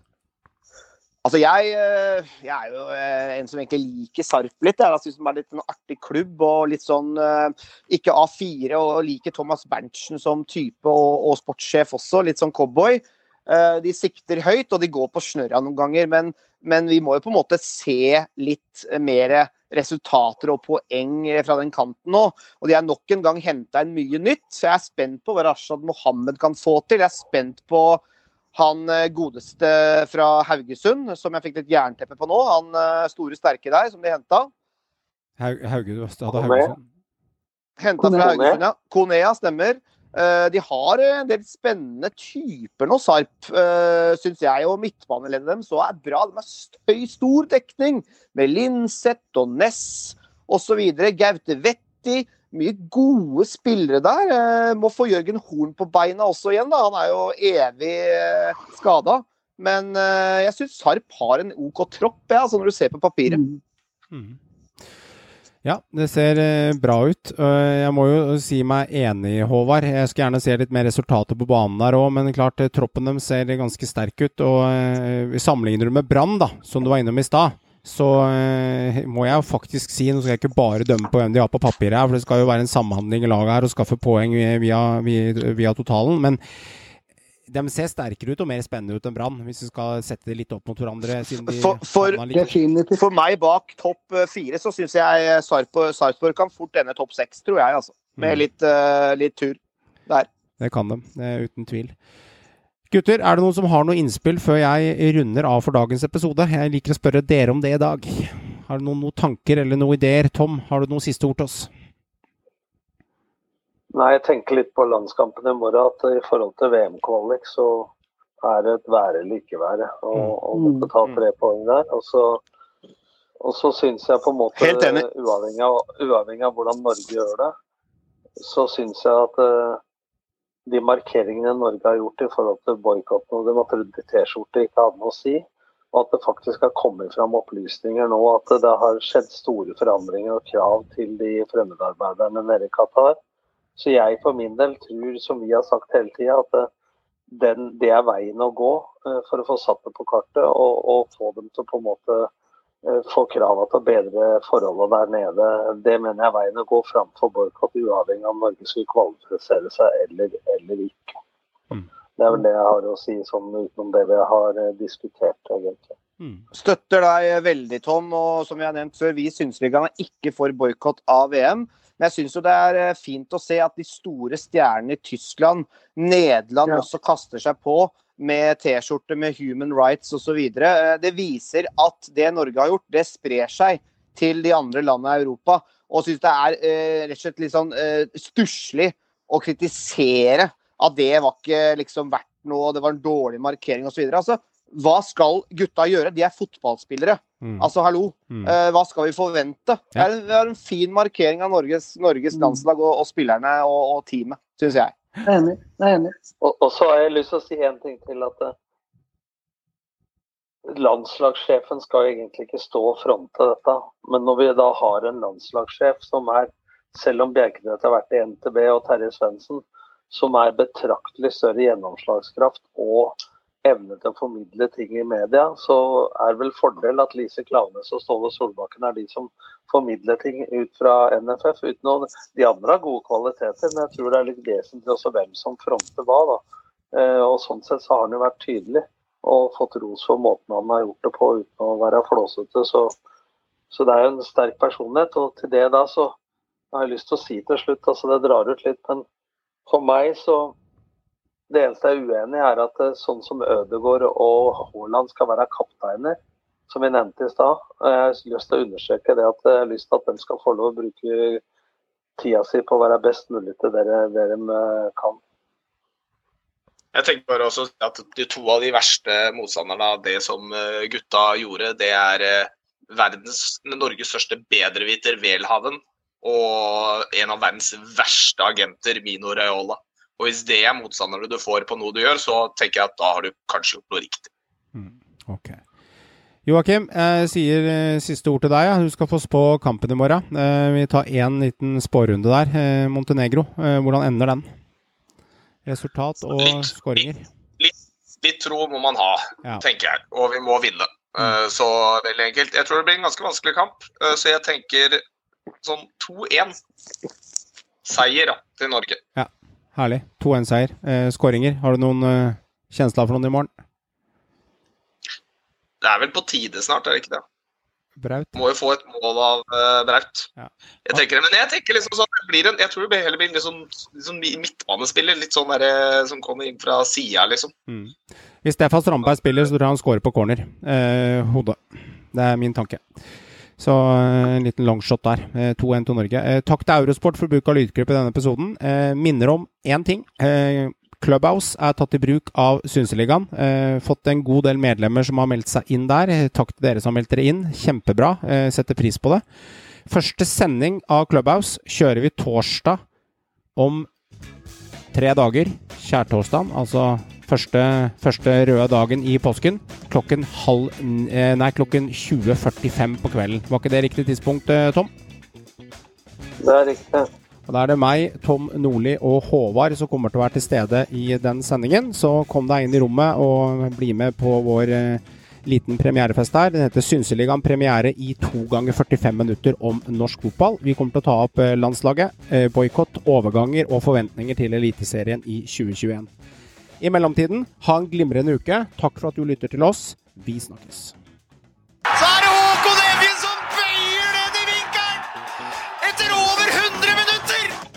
Han kommer til å bli større enn Jesus på Sørlandet etter dette! Det er faen meg Folk pisser eller. Folk er likegyldige. Det er det verste som skjer med en fotballklubb. Det er faen meg undergangen, det. Og det er han som omtrent aldri